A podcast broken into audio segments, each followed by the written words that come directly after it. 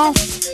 Men det som betyr noe, Bobkast og There's darkness in all of us. All of us have our dark side. Men jeg tenkte jeg skulle være grei da, i og med at jeg sendte over liksom sånn, eh, noe det gikk an å spørre i forhold til. Så Doesn't make you a bad person. Ja, Jonas. Du var ikke bare grei når du sendte over den CV-en. Du gjorde jobben til meg veldig enkel. Eller eh, jobben til en Pål, da. Når vi skal introdusere gjest. Hei, Pål! Hei, Øystein. Episode 67 og gjest i stua igjen. Herlig. Og eh, nybakte kanelsnurrer på bordet. Ikke verst. Ikke verst. Ikke, eh, ikke fyr i ovnen, fordi at eh, det var så godt og varmt her fra før. Jeg skal snart hive ullgenseren. Det er væromslag. Har vært. Uh, ja, det blir væromslag igjen, så jeg er på yr. Det skal Snøen bli snø igjen. Snøen Hæ? Det skal bli snø igjen. Å, så bra. Ja, så det går bra. Jeg Herlig. tror Jonas er glad i å gå på ski. Ja. Jeg har sett den med, sett den med sånt. går på skidor. Ja, nei, jeg skulle jo til å presentere deg med en gang her nå, for at du har jo sendt meg en uh, slags en CV. Jeg må si jeg stussa litt når du sendte meg det her. For jeg lurte på, du, sender du meg CV-en, eller klarer du faktisk å ha en sånn oversikt i hodet at du kan lire ut av deg alle ting du har gjort i løpet av livet? For her er det oppsummert alt du har gjort siden 1973. Ja, før det òg. Ja. Ja, du har kanskje litt før, Ja. ja. Men det, det var litt sånn for å være grei, fordi at jeg har hatt et yrkesliv som eh, Mye av det jeg har gjort, er, er, er skjult bak en taushetsplikt, kan vi si. ja. Men så er det et eller annet med at eh, det er jo mye det går an å snakke om rundt det. da. Så når dere først ville ha meg til å komme, så tenkte jeg at eh, da kunne jeg på en måte sånn begynne med en ung gutt som tok eh, trikken tvers gjennom byen når han var fem og et halvt år gammel, til, til nå bor i Klæbu og begynner å bli en gammel mann og skal begynne å planlegge pensjonisttilværelsen. Ja. Når du leste, Pål, fikk du CV-vibber? Jeg fikk CV-vibber, og så tenkte jeg åh, enn om de CV-ene kunne ha vært så artig skrevet? Ja, det var, det var jo en oppsummering. Kronologisk eh, eh, highlights. Så, så litt CV-vibber. Og, og fin innledning med trikken, syns jeg. Ja, ja. ja, ja. Du, så du, er, eh, du har da vokst opp i Trondheim by? ja. Ja. Så da Jeg er, jeg er født på stiftelsen, og så, og så bodde jeg de sju første årene, eller sju og et halvt første årene, bodde jeg i Wesselsgata. Grensa mellom Lamoen og Bakklandet, den går midt gjennom Wesselsgata. Og jeg har bodd på den sida av Wesselsgata som tilhører Bakklandet. Altså nå, Wesselsgata 6 da det ganske langt ned mot Innherredsveien. Så bodde vi ganske dårlig. Eh, og så har jeg på tenkt på det der eh, Hva vil, hva vil dårlig si? ja, det, Hva vil dårlig si? Det vil si at vi hadde utedo, og så betydde det at vi bodde oppe i, oppe i kvistleilighet. eh, Så hadde vi et kjøkken, og så hadde vi et rom til. Og så var det vann ute på gangen. Så hvis du skulle på dass, måtte du på en måte ned trappa og så ned utover i bakgården for å gå på do. Mm. Og, og fordi at vi bodde dårlig tydeligvis da, så, så, um, så fikk jeg barnehageplass, og det var ikke vanlig den gangen. Eh, Når er vi da? Da er vi ja, jeg er født i 55, så nå er vi sånn rundt omkring 1960-60,5. Ja. Så førte moderen meg bort til trikkolleplassen på andre Altså, En fem, fire-fem år gammel Jonas overgår her nå. ja, ja, ja, så ja og så ja da, også, også de som husker så langt tilbake, da. Det er jo ikke alle, men eh, da var det sånn eh, Da var det én buss som gikk fra Lilleby og helt ut til Ila, og så en annen buss som gikk til Lade. Lade skulle bli et kapittel senere i livet, men den gangen ante ikke at Lade fantes. Og så kom jeg inn på en barnehage som het for Askeladden ute i Ila. Det var ikke så mange barnehager i Trondheim, sånn at, eh, men så var det som prioritering i forhold til folk som bodde dårlig. Så moderen fulgte meg på trikken for at jeg måtte gå over Innherredsveien. Og så, akkurat der Strandveien egentlig skal komme ut Innherredsveien Altså alt er jo bygd om nedpå der nå, men, men den gangen så kom Strandveien ut Innherredsveien. Ja. Og så tok jeg trikken derfra. Og så tok jeg trikken ut til barnehagen, og, så, og da kom, måtte jeg hoppe av på den sida som barnehagen var, fordi at den barnehagen der ligger nede med de gamle ferjeleiene på Skansen. Og så var jeg på barnehagen, og så var det en av dem, som jobba der, som vi den gangen kalte tanta. Senere kom onklene. Jeg, var, jeg ble en av onklene senere, men eh, de fulgte meg over, for da måtte jeg krysse eh, Ilevollen. Mm. Ja. Og, og det var ikke helt sånn eh, men, men jeg satt nå alene på trikken og dingla, og så når jeg kom hjem, da, så kom jeg av trikken på rett side. Så når jeg hoppa av trikken, da, så var det rett opp en sånn leketøysbutikk nedi i svingen i Svein. Det, blir, eh, det ligger sånn kirke der nå, jeg tror det er noe sånn eh, apostolisk kirke noe sånt som ligger rett oppe med der jeg hoppa av eh, trikken. Apostolisk. Hva er det for noe? Ja, det, nå, nå, Jeg har ikke doktorgraden i religioner, da, sånn at, at Jeg har ikke hørt det begrepet engang. Apostolisk. Men, men, men minnes du det å ta trikken aleine som, som noe spennende og positivt, eller var det noe du det var helt ålreit, det. Ja. Det var helt ok? Ja, ja, ja. Nå begynte de jo ett år senere på barnehagen, regner jeg med. på den- Altså, jeg var jo jeg, Altså, jeg kom jo inn på barnehagen når jeg var sikkert fem og et halvt år. Ja. Men greia var altså Det var på en måte et system i galskapen i forhold til at eh, de ungene som bodde dårlig, eh, og som ikke hadde noen sånn lekeplass, de fikk tydeligvis da barnehageplass. Sånn at prioriteringen i forhold til barnehage var helt annerledes enn enn, eh, det vi har i dag. da. Så når jeg satte opp det der, så var det mer sånn, som fun fact, for at folk tror ikke at det er sant at en så liten unge kan ferde og så svirre rundt i, i byen. og selv om altså, Det var ikke så mye trafikk som det, som det, er, som det er nå, men eh, samtidig så Det var jo trafikk den gangen òg. Ja. Men sånn altså, det, det høres jo helt utrolig ut, for jeg skulle tro at jeg var død som er så gammel at jeg kan fortelle det her, men den gangen så var det faktisk en hest. Eh, Det var én hest som eh, for med for med, med sånn eh, tomme ølflasker og henta øl inn på aksjebryggeriet som lå innerst inne i Strandveien. Og det husker jeg for at han karen som hadde denne hesten, han trolig med hesten sin. Så vi drev og så hev stein på karen for at han skulle slutte å slå hesten. Sånn at engasjementet for dyr var der allerede den gangen, da. Ja. Akkurat. Eh, Men hva gjorde mor di når du var på barnehage, da? Nei, mamma hadde ikke noe eh, arbeid den gangen. Nei. Så det var jo for å få deg dit for at du skulle kunne leke og Ja. ja, Leke trygt, da. leke Vi trygt. måtte ja. jo bodd helt ned mot Innherred sin, så er jo ikke noe sånn eh, Nei, så, så Men altså, den gangen så Jeg husker moderen skulle føde fø broren min. Skulle føen? Føde min bror. Føden, ja. Ja. Eh, Jeg snakker jo fortsatt lamodialekt, så sånn jeg må bare si fra Borgen hvis jeg må oversette. Eh, nei, men så, så fikk vi husmorvikar. Ja, for det er, en, det er en eh, person som kommer inn og avlaster litt Ja, hjemme. ja, ja, sånn? ja, ja. Ja, ikke bare avlaster litt, litt, hun tok over hele butikken. Mens moderen var skulle føde broren min, så tok hun over hele. Ja, sånn, ja. Så hun var her mer eller mindre ei uke, altså til pappa kom hjem fra, fra jobb, da. Sånn at eh, Ja. Det her er på en måte Broren min er født i 62, sånn at eh, det er litt sånn litt spesielt. Mm. ja. Nei da. Det var, det var starten. Ja. Ja. Jeg husker jo den første uh, vikarjobben min i barnehage. Da sto det òg en plakat om at det var ikke lov til å sende ungene sine av gårde alene til barnehagen med, på sykkel. Så det er ikke så Ikke Det var ikke lov til å sende ungene alene. sto det en plakat? Ja, det sto en opplysning om det til oss uh, til foreldrene, da, sikkert. Det var sikkert noen som hadde sendt ungene sine på sykkelen alene i barnehagen. Ja. i barnehagen. Ja, jeg. Det var ikke lov. Var det ikke lov? Nei. Det var ingen som turte å si det til meg. Eh, du Jeg kom jo etter, da. Ja, Du jobba i barnehagen nedafor. Ok. Ja, ja. Nei, men Nei. det, det, jeg, jeg, jeg syns jo det der er eh, Det du forteller om, det, det burde vi jo egentlig hatt et samfunn som vi kunne gjøre fremdeles, uten at noen rynka på nesa. Eh, si at eh, hvis ungene er eh, kan sette seg på en, eh, en buss og gå av igjen. Ja. Det hadde vært fint, det.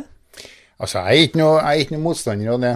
Altså, Hvis vi snakker om unger og unger, unger sine vilkår, så For det er jo unger som har blitt liksom yrkesveien min, da. Ja. Stort sett resten av livet. Eh, så Jeg mener jo at unger i Altså, jeg er motstander av at unger begynner på skole, nei, på barnehagen når de er ett år. det, det, det vet ikke jeg om det finnes noen sånn veldig gode faglige begrunnelser for. Ja, det spørs jo hvilket fag du tilhører. Hvis du, hvis du går på BI, så tror jeg at det er mange faglige begrunnelser for å få, Ja. for å få unga i barnehagen når de er ett år. Ja, og hvis du tar utgangspunkt i Åse Gruda Skar, som på en måte også var SV-er og, og veldig sånn for barns utvikling, så det er et eller annet med sånn hvor, hvor fleksibel er en ettåring i forhold til å opprettholde et bilde inni hodet sitt av nære, nærpersonene sine, og hvor mange nærpersoner tåler en ettåring? Da sier ikke jeg altså Det her er ikke en argumentasjon for at kvinner skal holde seg hjemme, overhodet ikke, men det er mer sånn om, om det vi gjør er øh, det, beste med utgangspunkt i ungene, eller om det er mer tilpassa voksnes behov, det er litt usikker Det kunne jo like så godt vært far som holdt seg hjemme. Du sa ikke Det- noe om uh, verken eller. Men, men Det ja, kunne jeg, veldig gjerne vært far som holdt seg hjemme. Poenget mitt er bare det at hvis, hvis vi hadde altså, Det vi har fått, er jo et samfunn hvor, hvor, hvor foreldre er nødt altså, Det koster såpass mye å bo, og, Mm. og i tillegg så har vi lagt på et forbrukssamfunn. Ikke for at jeg skal moralisere, men vi har lagt på et forbrukssamfunn som ligger oppå det her, Mm. som gjør at begge er nødt til å jobbe. ja, altså, Pukka er nødt til å jobbe. Ja, jo, men, men jeg, jeg står jo midt i det her uh, som uh, Nå er det jo uh, en del regler for å ta inn i barnehage. mm. og, og foreldre som nå har fått barn som nå fyller ett år i februar-mars, Ja. og som ikke, er, eh, ikke har krav på barnehageplass da før det er fyr- eh, 1. august, så er de jo i kjempebeita, og, Ja. og de går jo nesten konk fordi at, ja. og er kjempefortvila når de ringer meg for å få barnehageplass, fordi at eh, fordi at de månedene her må de jobbe. Så Ja du har jo helt rett. Det er, vi har et samfunn der, som har lagt opp til at folk må jobbe hvis de skal opprettholde hus og hytte og bil og to, kanskje to biler og, Ja. ja. Ja, og så det og sånn, forbruk. Ja, og så kommer jeg, så kommer jeg fra, fra mellom, eller etterkrigstida, eh, hvor det på en måte var altså Det var jo ikke vanlig at eh, mødrene våre var ute og jobba. Mødrene var hjemme. Og så tror jeg at det har skjedd utrolig mye som har skjedd som gjør at, at det har bl.a. fremma likestillinga. Det, det som er mitt poeng for når jeg sier det med ettåringer, så er det sånn fordi at det blir mer sånn hvordan, hvordan klarer en ettåring altså De starter jo ut med at de klarer jo ikke å opprettholde bildet av mora si inni hodet sitt engang. Altså når de er bitte, bitte små. Og så utvikles jo det her etter hvert.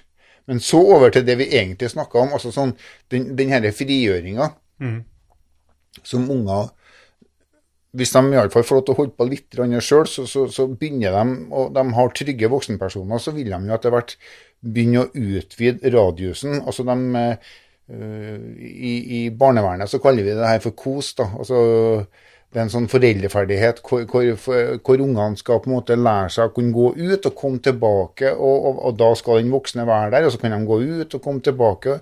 Ja. Desto større de blir, desto Nå merker jeg at jeg begynner å veive med armene, men for å ikke veive bort i mikrofonen, så går det bra. Og i det så utvikler de jo den denne grunnleggende tryggheten. Ja. Som, som gjør at de, at de vet at, at hvis jeg kan bare fære ut, og så kommer jeg tilbake. Og det er klart at Når du begynner å bli fem og et år, så har du, et, har du veldig sånn gode bilder av, av hvordan det både ser ut hjem, og mora di og faren din. Og Da er det ikke noe farlig om du heller om du, om du frigjør deg. Det jeg er redd for, det at vi nå går helt andre veien, hvor, hvor alt av, av barndom og skole og fritid skal være på en måte så organisert at det er alltid noen voksne som styrer hva unger gjør. Og det tror jeg, jeg har ikke jeg tro på. Fordi at da får du sannsynligvis unger som er ganske uselvstendige. Men unger er ikke så veldig produktive, da. Så det er litt dumt å la dem styre dagene. Da får vi veldig inn, lite produktive dager. Så Nå sitter jeg jo med en førstelærer og en som har jobba i barnehage, og jeg sjøl jobba i barnehage. og Det er utrolig hva unger er i stand til å få til av, Ugagn. Ja, det òg, men, eh, men det viktigste er faktisk at de hele tida vet det at jeg kan dra meg en tur, og så kan jeg komme hjem, og så når jeg kommer hjem, så er det sånn som det var. Det jeg kommer hjem til, det har ikke forandra seg. Det er det samme mammaen, det samme pappaen, det samme broren min, det samme Alt er på en måte konstant. Og så lenge unger vet at de kan komme tilbake til kall det ei trygg havn, da, Ja.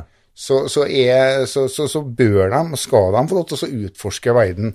Det jeg prøver også å si, det at hvis de først går på skolen, så er de hjemme og spiser så vidt, og så er det rett over i, i strukturert fritidsaktivitet. Det er ikke noe galt med strukturerte fritidsaktiviteter, men det er jo unger som har fire-fem forskjellige aktiviteter hvor de på en måte ikke har pause i det hele tatt. Og det tror ikke jeg er bra for unger. Du tenker at de skal styre ting sjøl, og drive med de formålsløse aktivitetene de sjøl finner på? Ja, I den grad at, at, at det å spille fotball og sjøl finne på reglene er formålsløst, så kan de gjerne få lov til å gjøre det for meg. Oi. Har du på lyd på telefonen? du, Ja, for at du sendte meg en melding rett før podden og se og hør nøye etter. Ja. Jeg klarte aldri å skru på lyden før jeg så den meldinga. Meldinga forsvant med den Snap-funksjonen. Og nå har jeg glemt å skru av den. Ah. Ja, ja. Irriterende. Ja, ja. Ja, vi hadde en uh, kraftig diskusjon her før uh, du kom, sjø. For å få, få ut gruff og sånn.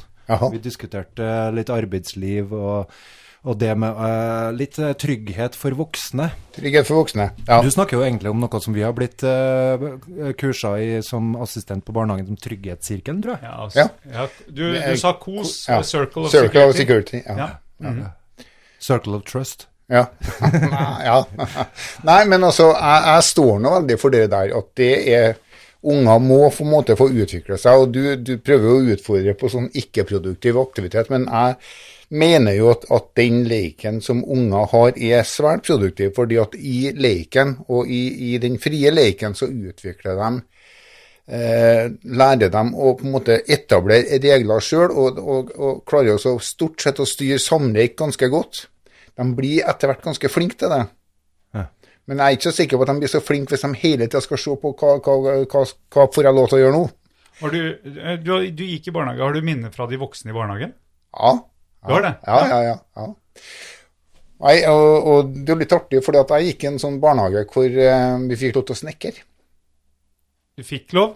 Til å snekre, Ja, jeg så- lurte på om du sa ikke lov. Nei, jeg fikk lov til, å- fikk lov til å snekre, så det var en sånn masseproduksjon av uh, Mora og faren min var fra kysten, sånn at eh, jeg ble jo skremt ut på sånn sommerferier ut på kysten. Jeg hadde jo sånne klare bilder av båter og, og diverse og diverse, sånn at jeg drev jo masseprodusert sånne mer eller mindre vellykka båter i barnehagen. Apropos produktivt, Øystein. Se her. Han produserte så det holdt, han. Produsert fjas og tull, som sikkert ble Nei, jeg vet ikke, jeg. Ja, du fikk Nei. Nei, dårlig humør, Jonas. Ja, vet du, du, ja, men du kan ikke trekke meg, skjønner du, så, det, det, så hvis det er det som er Nei, jeg prøver ikke helt. Nei. Nei, jeg prøver, skal prøve å beherske meg. Nei, ja, det går fint. Mm. Nei, jeg skal ta meg en kanelsnurr, jeg, faktisk. Ja, gjør det. Jeg gjør det. Ja. Kona til en Pål som har baka. Ja, ja. For å Du Må passe på å ikke tygge høyt, da. Ja, Ja, men du skjønner, han liker ikke at jeg tygger i mikrofon. Så det, derfor gjør jeg det. Ja, ja. Men jeg har tatt av meg klokkene fordi at du hadde jo kobla ut uh, øretelefonene, så da får jeg ikke hørt. Så jeg må sitte og følge med på meteret her om det er lyd fra deg. Ja. Ja. Da så. Nei, men um, Du produserte ting på barnehagen, fikk lov til å snekre. Ja. Det gjør vel det ungene nå til dags òg, tenker jeg. ja jeg håper det. Ja, vi, De gjør det. Ja. De får lov til mye i norske barnehager, Ja, tenker ja. jeg. Men Det er bra. De bør jo det. Mm. Men uh, hvorfor tror du vi inviterte deg? Det, det vet ikke jeg. Jeg har gjort mye rart, så jeg tenker kanskje at det hadde noe med det å gjøre. Hva tenkte du? Nei, Jeg regna med at det hadde noe med, noe med jobben min å gjøre. da. Ja, hva jobber du med? Nei, nå er jeg byråkrat. Eh, ja, og, og sitte på et kontor, eller eh, i hvert fall nå i disse koronaltider, så er jeg lite ute på, på institusjonene. Men, eh, men jeg, er, jeg er nå byråkrat. Og for meg til å begynne med så ble det ganske meningsløst, men så hadde jeg en sjef som klarte å oversette det for meg og, til at eh, vi må ha et byråkrati for å sørge for at eh, samfunnskodene blir fordelt rettferdig. Sånn at ingen kan på en måte bli forfordelt i, i, eh, i forhold til samfunnskoder. Det, det er egentlig en helt grei oppgave. Og så, så har jeg en del veiledning med institusjoner og ansatte og oppfølging og sånn, sånn at da blir det meningsfylt allikevel, fordi at jeg på en måte får lov til å gjøre en del av det jeg kan noe om. Og så er jeg med et sånn, så har jeg liksom skrekket meg til å få være med i et sånt konsultasjonsteam, sånn at jeg får litt, være med på ting som er på en måte ordentlig. på en måte, altså Hva er ordentlig?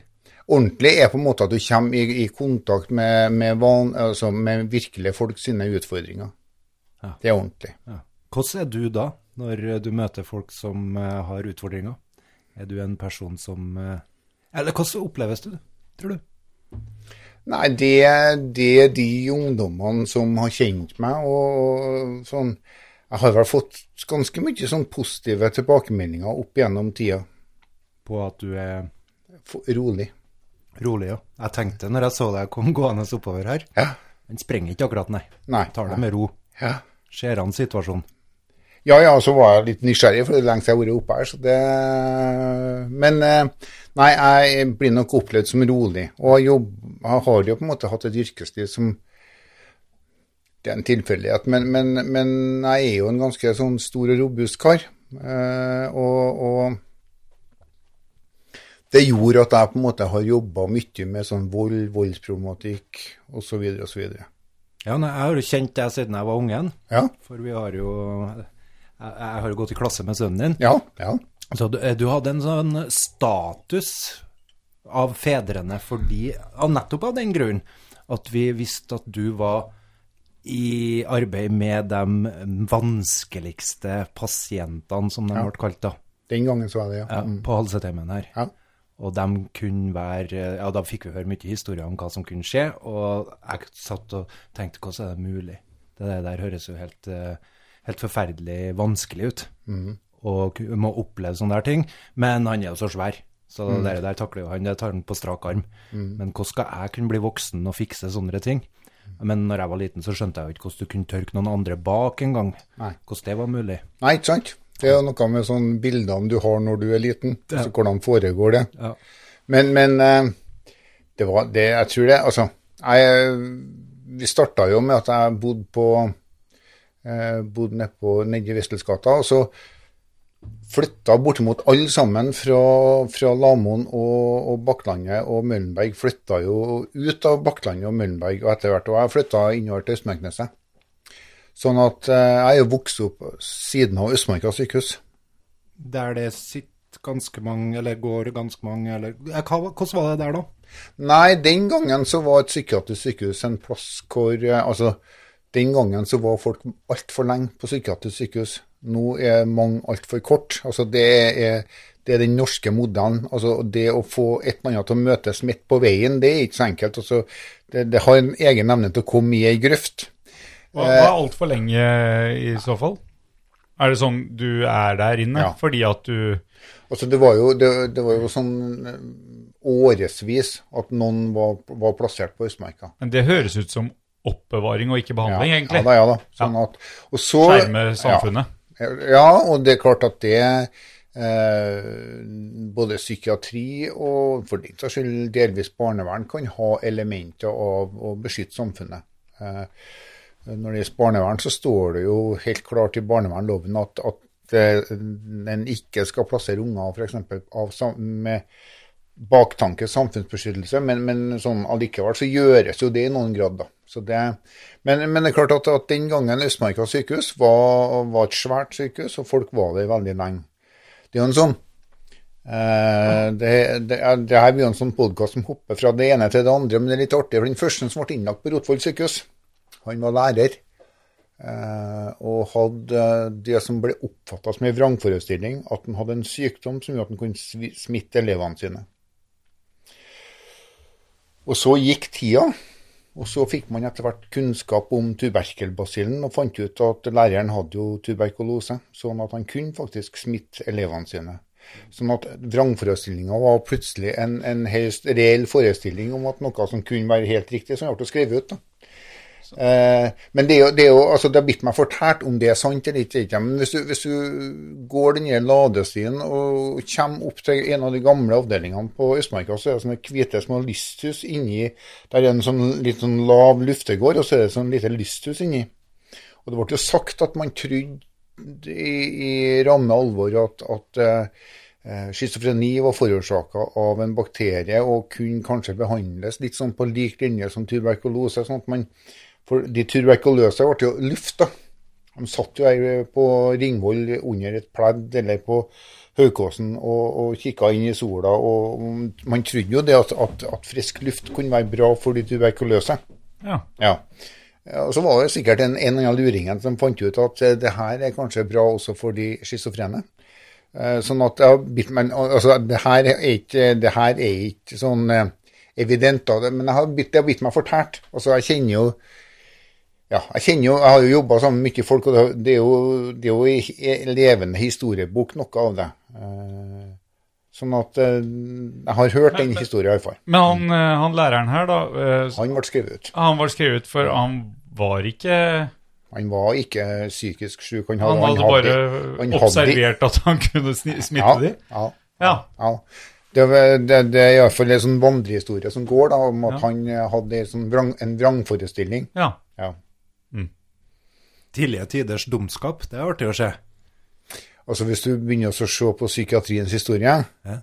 eh, så er det mye du kan bli veldig sånn eh, Man prøvde jo i ramme alvor å behandle eh, pasienter med dampbad, f.eks. De satt i sånne dampbad og, ble dampa, så var det bare hodet som stakk opp. Hvilken hensikt det skulle ha.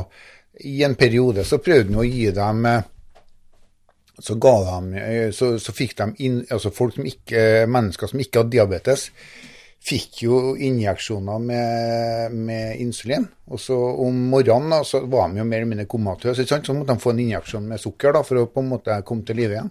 Så, så, så det er klart at vi har jo i ramme alvor gjort, eh, gjort rare ting i dette samfunnet som jeg vet ikke om vi Men tror du, tror du vi er der nå at nå, nå har vi det på stell i forhold til psykiatrien? Nå behandler vi de rette tinga, og så, og, og så er, er det ingenting som vi på en måte drar inn i psykiatrien som egentlig er en normal tilstand? Er vel Fins det folk som Det er klart at, at det kan skje, men jeg tror det altså Nå er det lenge siden jeg har jobba i voksenpsykiatrien, men jeg tror nok at, at stort sett så, så er ikke eh, Det har blitt mye mer sånn finstilt i forhold til sånn diagnoser og vurdering. altså eh, Men det er jo diagnoser som fremdeles forsvinner, er det ikke det? Ja, altså, ja, det, det her skal ikke spurt en Geir om, vet du. For at, eh, men altså, diagnosesystemet Ja, ja. i psykiatrien det kan jo diskutere til det blir blå. Men uansett så er for det, det er jo en beskrivelse av menneskelig atferd og menneskelige fenomener. Ja. Eh, men jeg tror at, at eh, En beskrivelse og en sammenstilling av mange beskrivelser. Ja. Men det er, det er klart at, at, at, at eh, psykisk sykdom oppstår jo ikke i et vakuum. Eh, sånn at eh, det er jo det er jo et eller annet med sånn betingelsene som, som påvirker folk. Eh, hvis du kommer til verden med en sårbarhet for, Sårbarhet har vi alle sammen, i større eller mindre grad. Eh, for å utvikle Jeg mener jo at alle sammen kan bli psykisk syke. Hva mener du med sårbarhet, egentlig? Nei, det betyr at det er, det er faktorer i personligheten din som gjør at du f.eks. Alle sammen er sårbare i forhold til avvisning og, og, og fiendtlighet. At du blir lei deg hvis noen avviser deg? Eller sint hvis noen er fiendtlig? Ja. Men, men noen har f.eks. lavere toleranse for det, og, og kan lettere utvikle f.eks. sykdom. da.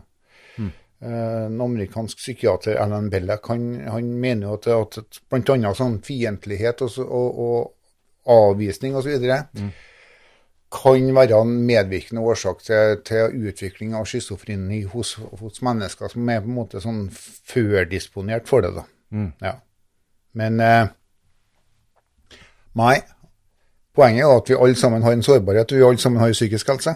Altså, sårbarhet ender da opp for meg å bli følelser, og være i kontakt med følelsene sine. Og så er det noen som har litt større Ja. ja. kontaktflate enn andre. Ja, ja, å ja, ja. Altså, Selvsagt, men altså det er et, altså, Hvis du erstatter sårbarhet med robusthet, da. Ok. Ja. Så noen er mer robust, og noen er mindre robust. Og noen tåler mer, og noen tåler mindre. Eh, men alle sammen kan under gitte betingelser utvikle sykdom. Det er ikke noen som kan gå gjennom Det er ingen som er utstyrt med den universelle rustningen som gjør at han kan gå gjennom alt. Nei, det er klippa i vinden kontra løvet. Ja, ja. Ok. Ja, eh, så du tenker kanskje at eh, vi har kommet mye lenger i psykiatrien, men at det er ting med samfunnet som eh, ikke sånn vi, vi kan ikke si at vi er helt i mål. Det er ganske idiotisk å si at vi, ja nå i 2021 så har vi kommet i mål, for historien viser jo at vi har jo aldri det. Vi framstår alltid som noen idioter i etterklokskapens lys. Ja, ja, det er nå det ene. Det andre er at eh, det har jo vært en utvikling altså Når jeg snakka om når jeg vokste opp, så, så var jo Østmarka kjempestort. Og så var det veldig mange som var på Østmarka veldig veldig lenge. Og så har du gått til et sånn eh, Poliklinikk. Eh, ja, til et poliklinikk delvis, men, men også sånn kjappsykehus, da, hvor, hvor folk kanskje blir skrevet ut veldig tidlig. Eh, Og så er det noe med at, at noen vil jo bli skrevet ut, men noen vil også være lenger og er redd for å bli skrevet ut. Og noen blir prega av å være på sykehus og bør ikke være noe på sykehus noe særlig lenge fordi at de eh, blir rett og slett så Det blir så trygt og greit. Da er vi tilbake til den ungen som på en måte skal prøve å komme ut og, og, og, oppsøke utfordringene. Men altså, systemet er ikke perfekt, og, og det gikk jo en sånn føljetong i avisa her om ei jente som stadig vekk utfordra nødetatene med sånne selvmordsforsøk. Og så ble det jo en ny føljetong i avisa om at nå har han på en måte sånn spesialsydd et tilbud for hun jenta, og så går det mye bedre med henne. Og, og ja, noen mennesker trenger mye og ganske spesialisert hjelp, og den, den hjelpa ligger ikke på samlebånd, den må ofte skapes eh, som skreddersøm. Men det er klart at det kjekkeste er jo hvis en kan få mennesker gjennom det systemet og få dem friske på, på samlebånd. Og, og derfor så lager du sånne pakkeforløp da, som, som psykiatrien for så vidt har fått fra kreftbehandlinga. Det positive med det, det er på en måte at, at alle sammen har en garanti for at de får, får på en en sånn viss kvalitet på behandlinga, og, og, og får behandlinga i løpet av en periode. Men, men uh, utfordringa er når, når mennesker trenger veldig sånn spesialiserte og tilrettelagte tilbud. Da blir det mer utfordrende. Der kommer vi jo inn på den andre grunnen til at jeg, har, eh, eller, at jeg ville invitere deg. da. Det var jo ikke bare det at uh, når jeg var liten, så var du mer en, en respektert og en figur som jeg så opp til. Ikke bare jeg, men flere kompiser gjorde det. Faren til han, sønnen din. jeg vet ikke om vi skal si, bruke navn og sånn. Vet ikke om vi hvordan taushetsplikten vår er her i Bob. Nei, vi, vi, vi, Den er Bob Bob igjen, Ja, den. er litt bob-bob. Men det var òg det at du jobb, har hatt mye å gjøre innenfor eh, de her eh, institusjonene som framstår som et ansikt som sier det kan ikke vi kommentere fordi at vi har taushetsplikt, Ja. men som er mye i avisene Ja. og har mye medieomtale Ja. og får mye kritikk. Ja, ja. Og det tenker jeg, hvordan er det å jobbe innenfor det der når du vet så mye mer enn det som kanskje kommer fram, eller er det den følelsen du får, eller? Det er klart du jobber i noe som er som, eh, sånn i korttekst er sånn damn if you do, damn if you don't. Uh, og det er, det er på en måte sånne utfordringer. Men, men, men, men altså sånn, da, da er det lettere å switche over til det som har vært sånn yrkeslivet mitt siden 95-96, hvor jeg jobba i barnevernet. Ja. Ja. Og det er klart at barnevernet er um, Det er iallfall veldig lett å ha oppfatninger og meninger om norsk barnevern. Det er ikke vanskelig. Hvordan opplever dere de meningene som kommer til uttrykk? I media? Er det urettferdig? Det er klart at, at al- al- Altså, først sånn eh, voksenopplæring, barnevern. Barnevern, eh, barnevern er Det er på en måte de ansatte i den kommunale barnevernstjenesten som på en måte får bekymringsmeldingene fra naboer, barnehager, skoler, eh, trenere. Alle som på en måte tenker at eh, det der, eh, den guttungen der, den jentungen der har det ikke bra. Og det rapporterer de ut fra helt eget skjønn og egne, egne erfaringer med hvordan ting bør være. Ja. Så da tenker jeg at det kommer et stort spekter av meldinger inn. Ja da.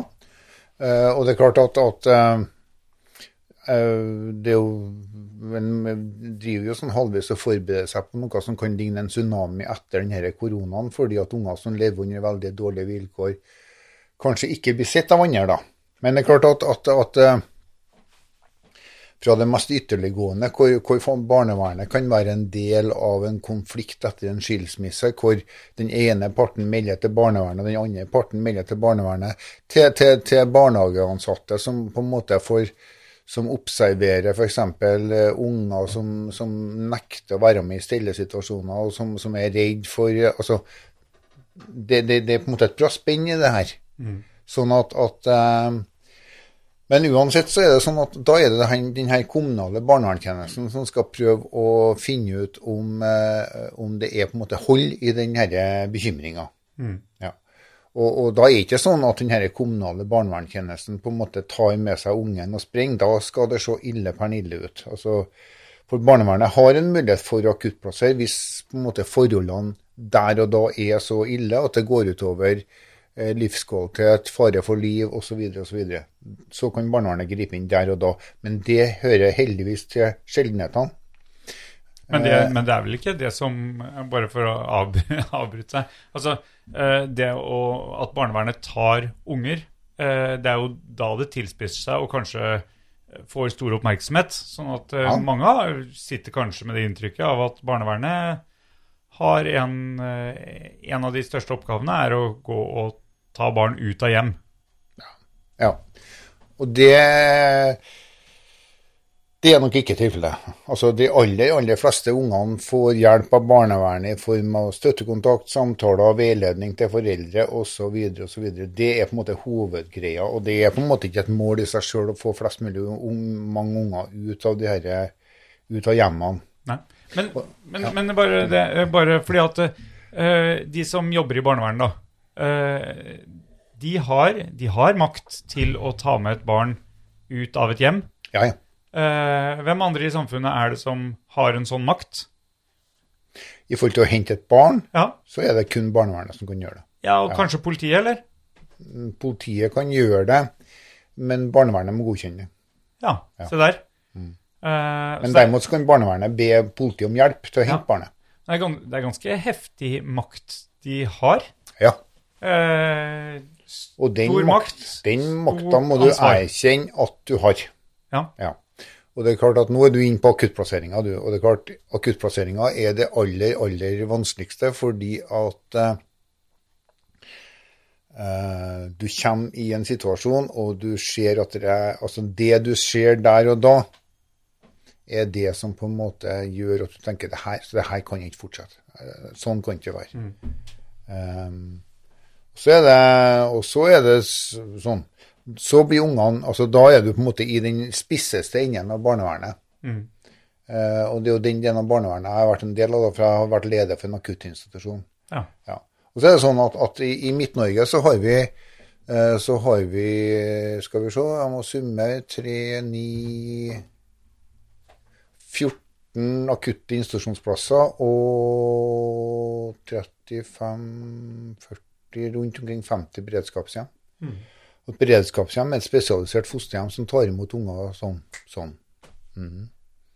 Så Det er på en måte sånn kapasiteten i Midt-Norge. Det, det er ikke taushetsplagt, det, det, er det vi har. Eh, Og, og, og, og så er det sånn eh, men, men, men det jeg skulle prøve å forklare, det var at eh, Men jeg syns det er greit at dere er ivrige og spør. Det er jo det at, at det er den kommunale barnevernstjenesten som, som, som er dem som vurderer der og da, eller ofte i de aller, aller fleste tilfellene, i en lang dialog, i en lang prosess, om denne, hvordan ungen har det, og hva vi kan gjøre av, av tiltak. Og så er det Prosess med hvem? foreldre. Ja. Foreldre Samarbeid og med foreldrene. samarbeid med foreldrene, og for den saks skyld barnehage, skole, andre viktige personer. I de siste årene så har vi tatt i bruk noe som heter for familieråd, som er en sånn eh, Som egentlig var noe som, ble, som, eh, som dukka opp på New Zealand, for der har de ei urbefolkning som heter for Maoria. Maoria, takk skal du ha, for det var litt sånn stilt i hodet mitt. Eh, Det newzealandske barnevernet de oppdaga jo at i kontakt med maoriene så så kom de aldri noen vei som helst. Alt ble bare ball, og det endte opp med sånne eh, tvangssaker som egentlig ikke burde vært det. Og så utvikla de en, en metode for å samle eh, alle i nettverket rundt et bord, sammen med ungen, og så prøve å finne ut hvordan kan vi løse det her. Finnes det noen andre løsninger? Men så, da, så kommer på en måte del to av, av barnevernet. For det, det har på en måte to ledd, det her barnevernet vårt. Så det er ikke alle som er klar over. fordi at hvis da kommunen finner ut at, altså den kommunale barnevernstjenesten finner ut at her, altså, gutten eller jenta kan ikke bo der de bor. Eh, de må flyttes Ikke akutt, men etter en prosess. etter en lang prosess. Og, mm. kan godt, altså, og det er en prosess som jeg kan si litt om det etterpå, forresten. Så er det sånn at, at da henvender de seg til det statlige barnevernet som heter for Bufetat. Og jeg jobber i Bufetat. Og det statlige barnevernet er dem som rekrutterer og lærer opp fosterhjem. Og så er det dem, det statlige barnevernet som drifter barnevernsinstitusjoner eller kjøper barnevernsinstitusjonsplasser av private aktører. Hvis barnevernet, samme åkke som, hvis barnevernet altså hvis De aller, aller fleste ungene tror jeg egentlig flytter med at foreldrene er enig i at eh, kanskje er det greit med en pause. Det er- De, jeg vet ikke om jeg har møtt noen foreldre som sånn genuint har vært interessert i å skade ungene sine. Godt. Det, det tror ikke jeg har eh, opplevd. Så, så veldig mange foreldre innser det at det her eh, du tenker, men eh, bare, eh, de, det er ingen som ønsker å skade ungene, men, de, men du, du sier likevel at de skader ungene. Det er klart at, at hvis du f.eks. enten fysisk, psykisk Ja. eh, Så Altså, det er egne mangler, hvis jeg skal bruke det ordet, da, som gjør at de havner i den situasjonen likevel? Eller det kan være mange ting. Uh, psykisk helse hos foreldrene Ja. er vesentlig. Jeg syns mangler var et dårlig uttrykk fra Ja. min side, men Ja, eh, ja. det var det jeg kom på. Ja. Uh, rusmisbruk er Mm. noe annet. Uh, og så er det sånn at, at og, og for å Vi lærer å bli foreldre av våre egne foreldre. Altså hvor i all verden ellers skal vi lære å være foreldre hen? Eh, du kan godt legge på barnevernspedagoglinja eller, eller noe annet. Du kan legge på på toppen som en sånn form for garnityr. Men det du har med deg, det er på en måte sånn hvordan du sjøl har blitt oppdratt, og hvordan du sjøl har blitt møtt. Eh, og jeg ser jo det at, at samme hvor mye utdanning folk har, når, de kommer under press, så tenderer de til å gjøre sånn som de sjøl på en måte ble oppdratt, og selv, eh, som, som kanskje deres omsorgspersoner reagerte. Så, så, men, men sånn Så når, når, du, når du kommer under press på jobben, så sender du unga alene på trikken? Det var ikke Nei, jeg, jeg vet ikke om jeg skal gjøre det. Jeg vet ikke om jeg skal gjøre det. Nei da, altså Poenget er at du kortslutter og kanskje blir verbalt uh, lite ettertenksom, uh, avviser unger osv. Mm. Men tilbake til det her med sånn, det du spør om i forhold til sånn, hva er det nå med de her foreldrene som eventuelt ikke klarer å ivareta ungene sine. så så, så, så var jeg inne på psykiatri, jeg var inne på rus. eh, og så, så bruker vi vi bruker jo da et sånn eh, engelsk ord som heter for neglect, som betyr rett og slett at man ikke klarer godt nok å ta vare på de her ungene sine. Altså det, det omsorgssvikt oversatt til norsk, og det inneholder utrolig mye rart. Og så, ut i den aller verste enden, så er vi da på vold, seksuelle overgrep osv. osv. Men, men f.eks. seksuelle overgrep er ofte Det er iallfall ikke uvanlig at det på en måte går i arv. Der òg følger av og til nissen med på lasset. Og dessverre så er det sånn at, at familier som, eh, som ikke klarer å ivareta ungene sine, det være seg sånn eller sånn, eh, mange av dem har opplevd det samme sjøl. Så, og så går det her i, i arv. Og så er det en ting til, sier det, altså, det er jo det at eh, sjansen for å få barnevernet på besøk på døra, den eh, er større med lav sosial status enn med høy sosial status. Men du trenger ikke være noe bedre omsorgsperson om du har på en måte universitetsutdanning. Altså, det, er ikke, det, det det handler om. Men allikevel så er sånn eh, Forskning viser på en måte at, at eh, sannsynligheten for å få barnevernet på besøk, den, eh, den eh, øker med lav sosial status. Kan du si hva du legger i sosial status da? Nei, da går det på sånn eh, Er det inntekt? Da går det, på, da går det f.eks. på inntekt, det går på sånn uh, utdanningsnivå osv. osv. For det er klart at en, som er, en eller ei som er universitetsutdanna, vil jo kanskje bli oppfatta som flinkere til å artikulere seg, altså snakke, enn uh, noen som uh, f.eks. svinger, eh, som vasker gulvet. Som, som når de, fordi at, at til syvende og sist så handler jo det her systemet også om å kunne forklare hva som skjer, og hvor det her, hvordan det her ser ut. Men det som er viktig for meg å få frem, det er at i de aller, aller fleste tilfellene så kommer en inn i en dialog, og så kommer en til noe som på en måte gagner unger og foreldre. Og så hender det at unger rett og slett blir plassert i en periode, og så flytter de hjem igjen. Men så til det som er på en måte sånn eh, oppskrifta i forhold til Fordi at eh, hvis barnevernet skal flytte en unge mot foreldrene sin vilje, så, så blir det arrangert en sånn liten rettssak, også kalt fylkesnemnd. Og da møter foreldrene med Om mor og far er skilt, da, så møter de med hver sin advokat. Øh, jentungen eller guttungen, gitt at de er over en viss alder, eller det er såkalt atferdsplassering, så møter de også med advokat. Og så sitter det er nemndsleder, og så er det to sakkyndige medlemmer, og så føres det vitner. Det der er jo en sånn løsning som er kanskje ikke den mest barnevennlige. Jeg har vitna i en god del fylkesnemndsaker, og det er klart at uh, i de disse sakene som handler om foreldrene sin omsorgsevne, så skal jo barnevernstjenesten bevise, og nå gjorde jeg hermetegn, og det høres ikke på en uh, De skal bevise at, at, at disse foreldrene ikke er i stand til å gi ungene omsorg. Og I de såkalte atferdssakene så, så, så, så, skal det bevises at det her barnet har atferdsutfordringer som samvarierer med en paragraf i barnevernloven. Dette er på en måte lista opp i sånn, eh, På samme måte som sånn omsorgsovertak er også lista opp i noen sånne underpunkter. det litt saktere her nå. Hva vil det si at noe samvarierer? Nei, Det betyr at, at f.eks. For i forhold til atferd, da. Ja. Ja, så, så gir loven noen kriterier. F.eks. alvorlig kriminalitet. Sånn check. Har du, har du, det, har du ikke det? Eh, vagabondering, som betyr at de unndrar seg omsorg og, uh, og farter rundt i byen og er på en måte u, u, ikke sammen med sine omsorgspersoner. Eh, prostitusjon er et av kriteriene i atferdsbestemmelsen. Rus er, kan være et kriterium. Og så er det i tillegg en sånn sekkebetegnelse som er på annen måte. Nå er, nå er jeg kun på atferdsbestemmelsene, og det er jo dem jeg kan best. Da. Så ja. Tilsvarende så er det på en måte noen sånne kriterier knytta til omsorg. da.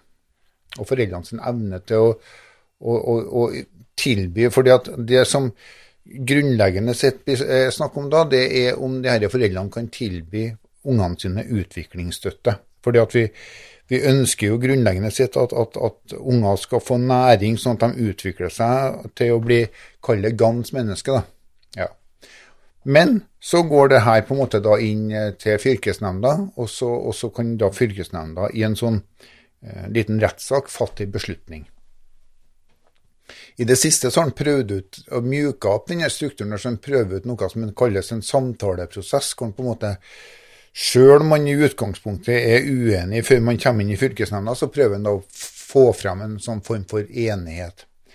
Og det er klart at klarer vi å få til et samarbeid med foreldrene, altså at utgangspunktet er at nå skal vi ivareta ungen din i en periode eller en lengre periode, og, og vi er, klarer å på en måte få noen sånn samarbeidsregler om hvordan skal vi gjøre det, så er, så er på en måte sjansen for at det her skal lykkes og gå bra, den er usedvanlig mye større enn om det her blir en evig krig. Mm. Da er det sånn at, at hvis eh, fylkesnemnda fatter en sånn beslutning, da, så kan eh, det er vel annethvert år, så kan f.eks. For foreldrene prøve å få tilbake omsorgen i en ny fylkesnemndsak, ny rettsbehandling. Og det er klart at jeg har dessverre sett en del unger som har lidd under det der, for at de klarer aldri å felle til ro. Altså det er, Nå starter det igjen, nå starter prosessen. Rives opp og opp og opp. Ja, ja. ja, Og de klarer liksom ikke å Altså, hvem skal jeg stole på? For, det, for unger så er det grunnleggende et spørsmål hvem skal jeg tørre å stole på, og hvem skal jeg tørre å knytte meg til. Eh, fordi at, at når vi starta samtalen med å snakke om circle of security og tilknytning, og, og, så er jo så er jo det her unger som grunnleggende sett, de som har de største vanskene, har problem med, med tilknytning. Uh, problem med å stole på folk, og vanskelig for å tro at voksne vil dem vel. Altså, Grunnleggende sett så må det være en voksen som Hvis du skal på en måte bistå de ungene her, så må det være en voksen som klarer å formidle 10.351 ganger at jeg vil deg faktisk vel. Og sjøl om du nå prøver å avvise meg og ikke ønsker kontakt med meg, så vil jeg deg allikevel vel. Det vil jeg i dag, det vil jeg i morgen, og det vil jeg også om et år. Det er på en måte oppskrifta. Og det er, det er knalltøft å stå i. Så dere eh, har en bra balansegang. Dere eh, vil ikke gå fra ansvaret deres, men samtidig ønsker dere ikke steile fronter mellom Ja. dere og Foreldre. foreldrene. Ja. Og helst så bør vi jo komme i en samarbeidsrelasjon til unger. Ja. Ja. Fordi at eh, det aller beste er på en måte hvis vi får til gode samarbeidsrelasjoner med unger, det, eller ungdommer. Det betyr ikke at ungdommer skal få gjøre sånn som de vil. Og Da kommer på en måte en av kjepphestene mine. fordi at eh, i forhold til, til unger som på en måte er ute på ville veier, så må du som voksenperson tørs å være ha autoritet. Det betyr ikke at du er autoritær, men det betyr at du har autoritet, og at du står for, står for noe. Sånn er det her. Og så er jo, i forhold til barnevernsinstitusjonene, så er det igjen det her hva du har lov til og ikke lov til. Det er da regulert av en såkalt rettighetsforskrift. og det er klart at der òg er det en sånn balansegang da, vet du, hvor vi på en måte stadig vekk driver oss og vandrer fra den ene grøfta til den andre. Det er, det er ganske langt fra Bastøy til dagens barnevernsinstitusjoner. Bastøy er da Bastøy var et sånn guttehjem ute i Oslofjorden som eh, også gutter fra Trondheim ble sendt til, hvor de aller, aller fleste hadde det ganske ille pernille. fordi at de var så trollete. Nei.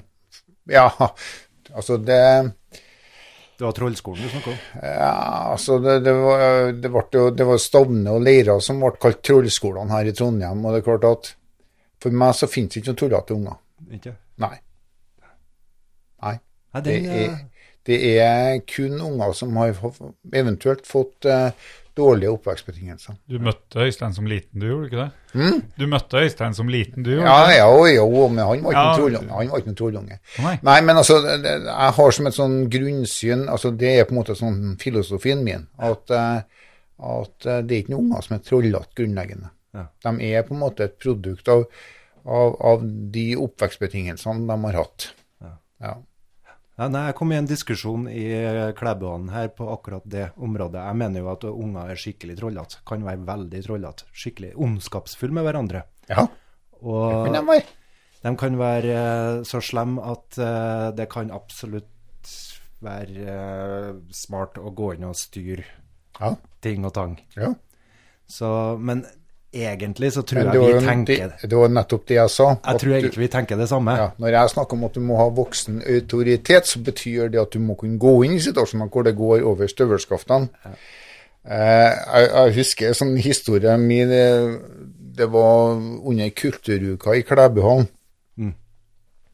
Så, var det, så skulle jeg være med og arrangere det. der. Og så var det en guttunge som gikk litt sånn bananas på og, og så fikk han en advarsel, og så, og så klarte han ikke å forholde seg til det. Og så satt ei stakkars jente og spilte piano, klassisk piano. Ungdommens kulturmønstring. Og, um, og så, og så um, måtte jeg si at nei, men vet du, nå er det slutt. Skal ut. Får ikke være her nå. Ut. Og så var det noen fra klassen til vedkommende som kom og sa vet du at han har ADHD? Ja, mulig det, sa men, men hun sitter og spiller piano. Altså Det er noe med sånn, det å ta hensyn til hverandre, men det er, no, det er en prosess, det er noe du jobber med. Du jobber på en måte med sosiale ferdigheter, for de, de kommer ikke ut av seg sjøl. Hvis, hvis du ikke har grunnleggende sosiale ferdigheter, så må du lære det.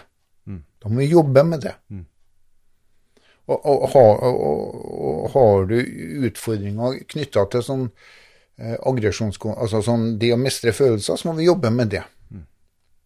Aggression Replacement Training, ART, som er et eget program som er- handler om sosiale ferdigheter, evnen til moralsk resonnering og, og aggresjonskontroll.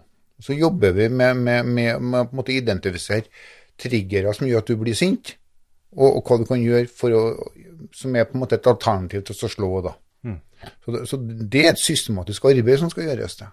Jeg tror nok jeg ville ha blitt veldig skremt hvis du hadde min innstilling at unger er trollete. I din posisjon så Ja. tror ikke jeg det er helt eh, bra, nei. Nei, men altså, jeg, jeg, anerkjenner fullt ut at unger kan gjøre forferdelige ting. Ja, jeg tror enhver som har vokst opp med å blitt plaga av andre unger, og den friheten du føler når du blir voksen og slipper å forholde deg til andre unger, Ja, den er ja ganske herlig, tror jeg. En lettelse. samtidig så er det et eller annet med at så vanskelig eller enkelt det enn kan høres ut, så er det òg et voksenansvar å passe på at, at eh, ting går noenlunde greit for seg på skolen eller i barnehagen, eller, eller eh, Sånn at jeg tenker at unger skal få frihet til å leke og gjøre sånn, og så er det et voksenansvar å gripe inn og si at nei, men vet du, der et sted man Grinstad sa eh, gå, sier vi opp i Brøttem, og det, det Ja, den går der. Mm -mm. Så, så, men altså sånn Poenget var at uh, tilbake til det vi starta med, det finnes barne, en kommunal barnevernstjeneste som på en måte skal prøve å finne ut hvordan ungene har det, og så finnes det et statlig barnevern som skal sørge for at disse ungene får uh, en plass. Det er mange som jobber med i barnevern. Jeg, jeg, vet lite om det. Er det sånn antallmessig i forhold til um... Jeg mener at i det statlige barnevernet så er vi 8000 på landsbasis. 8000-9000, tror jeg. Ok, Så det er ganske mange som kjenner det på pukkelen når det demonstreres nede i Polen? og... Ja. Det er mange som kan identifisere Men det er klart, uh, det var det statlige barnevernet, sant? så har du det kommunale barnevernet i tillegg. Altså Ta nå det tallet med klype salt, men jeg tror vi er en sånn 8000-10 000 stykker i det statlige, og så, og så, er det veldig mange også i det kommunale barnevernet. Og så er det sånn, og så kommer alle de andre, fosterforeldrene, som er en hel hærskare, som er eh, herr og fru Ola, Ola Nordmann, som, eh, som, på en måte har eh, tenkt at, at, det å være fosterforeldre er noe jeg har lyst til å bruke en del av livet mitt på. Og det kan være utrolig givende, og er samtidig også jævlig krevende. Ja, hvordan fungerer det? Du, da melder du deg en plass. Gjør ja. du det for eh, gratis? Må Nei. du fortsette jobben din? Hvordan funker det? Ja. Skal vi se det... For du har vært fosterfar? Ja, da har jeg vært fosterfar. Ja, ja, ja. ja, ja to ganger. Mm. Så det eh, Altså, det er jo sånne, sånne, kampanjer som du kan melde deg, og, og, i dag så fungerer det med fosterhjem sånn at du, du melder deg at du er interessert i, i, å være fosterforeldre.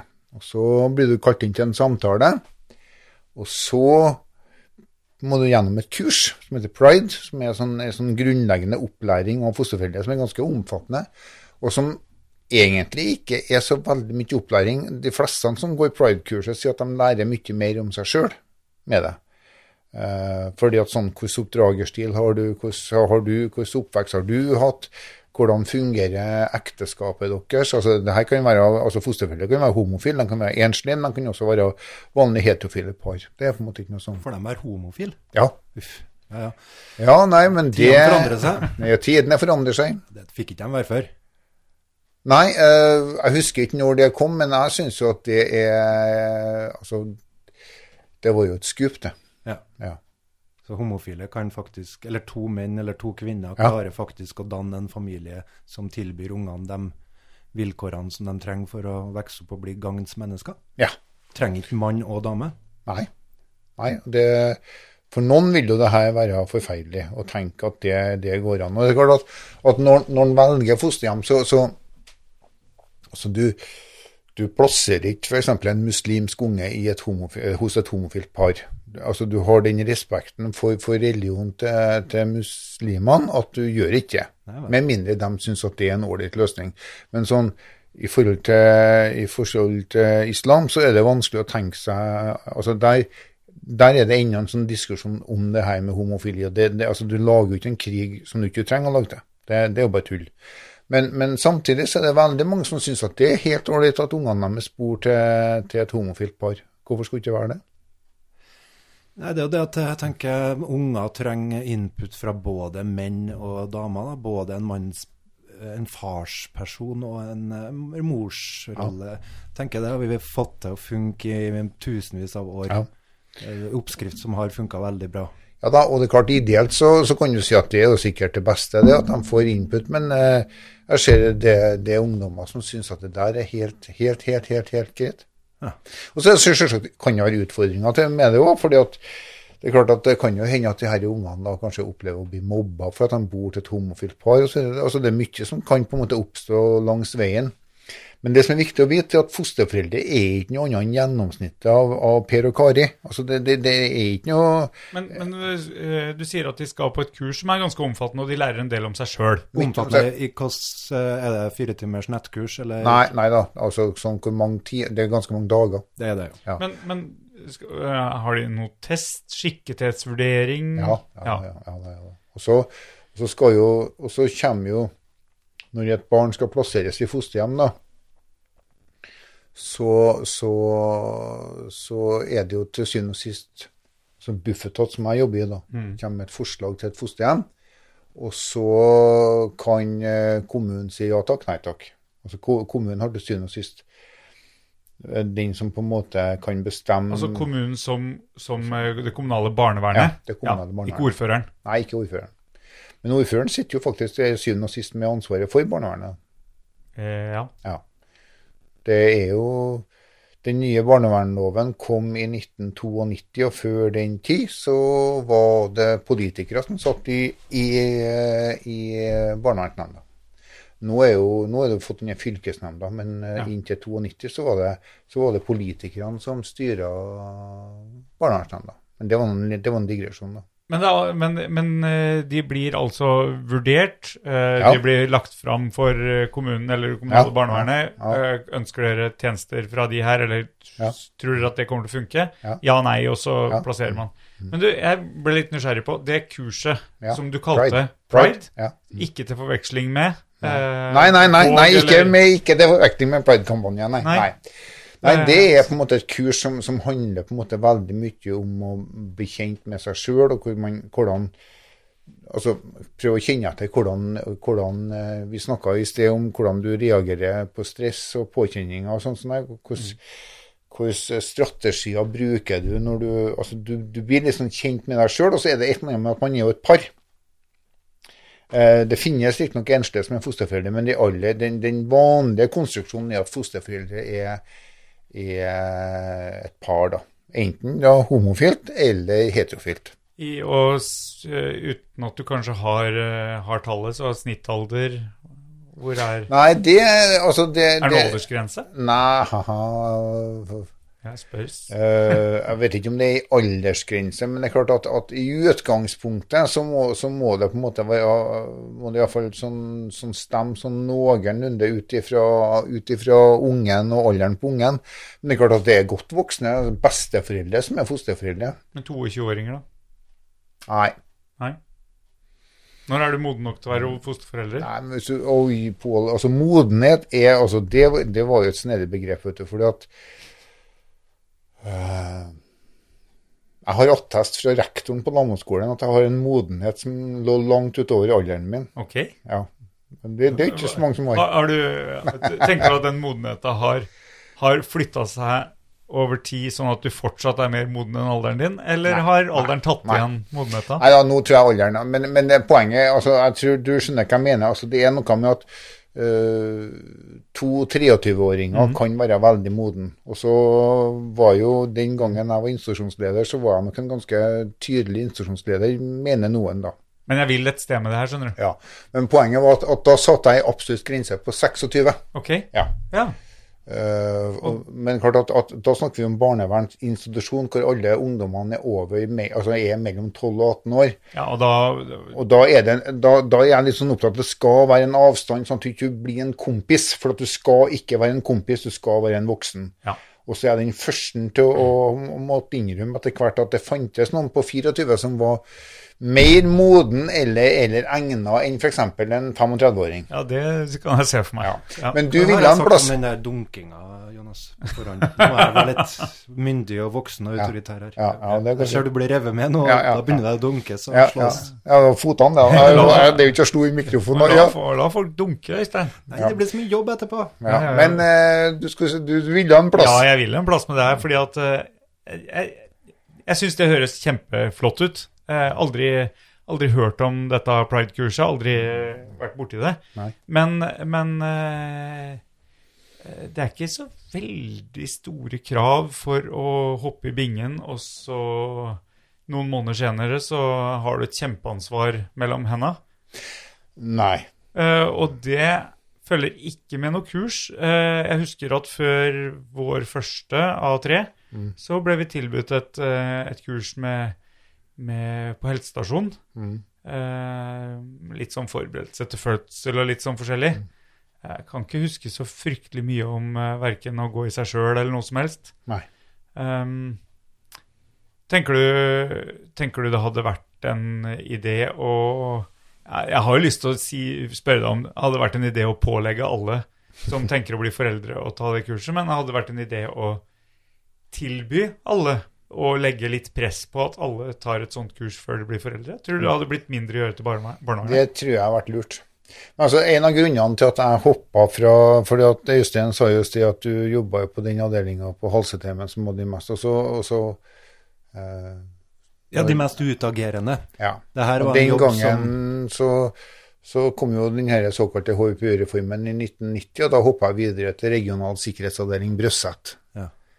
Um, Og jeg har lyst til å spørre hva kunne du møte der, men fortsett Ja. du, så kan du heller ta Så, nei, og, og det ligger et resonnement her, skjønner du. Og da eh, På et eller annet tidspunkt så altså det må gå an å gå inn og gjøre en innsats tidligere, før det blir så ille pernille at, eh, at eh, samfunnet må på en måte ta i bruk både den form for maktmidler. For det er klart at da er du over på maktmidlene. Altså Da er psykiatrien også et maktmiddel. Det er en lukka anstalt hvor eh, ikke sant? Altså hvor, hvor folk dømmes til å få behandling. Du er dømt til behandling og, og, eller til judisiell observasjon. Um, men så er det sånn Det må gå an å gjøre noe før. Det må gå an å gjøre noe tidligere. Du hadde en tanke om det? Ja. Ja. Så, så, så jeg har nå brukt resten av yrkeslivet på det å gjøre noe tidligere. ja.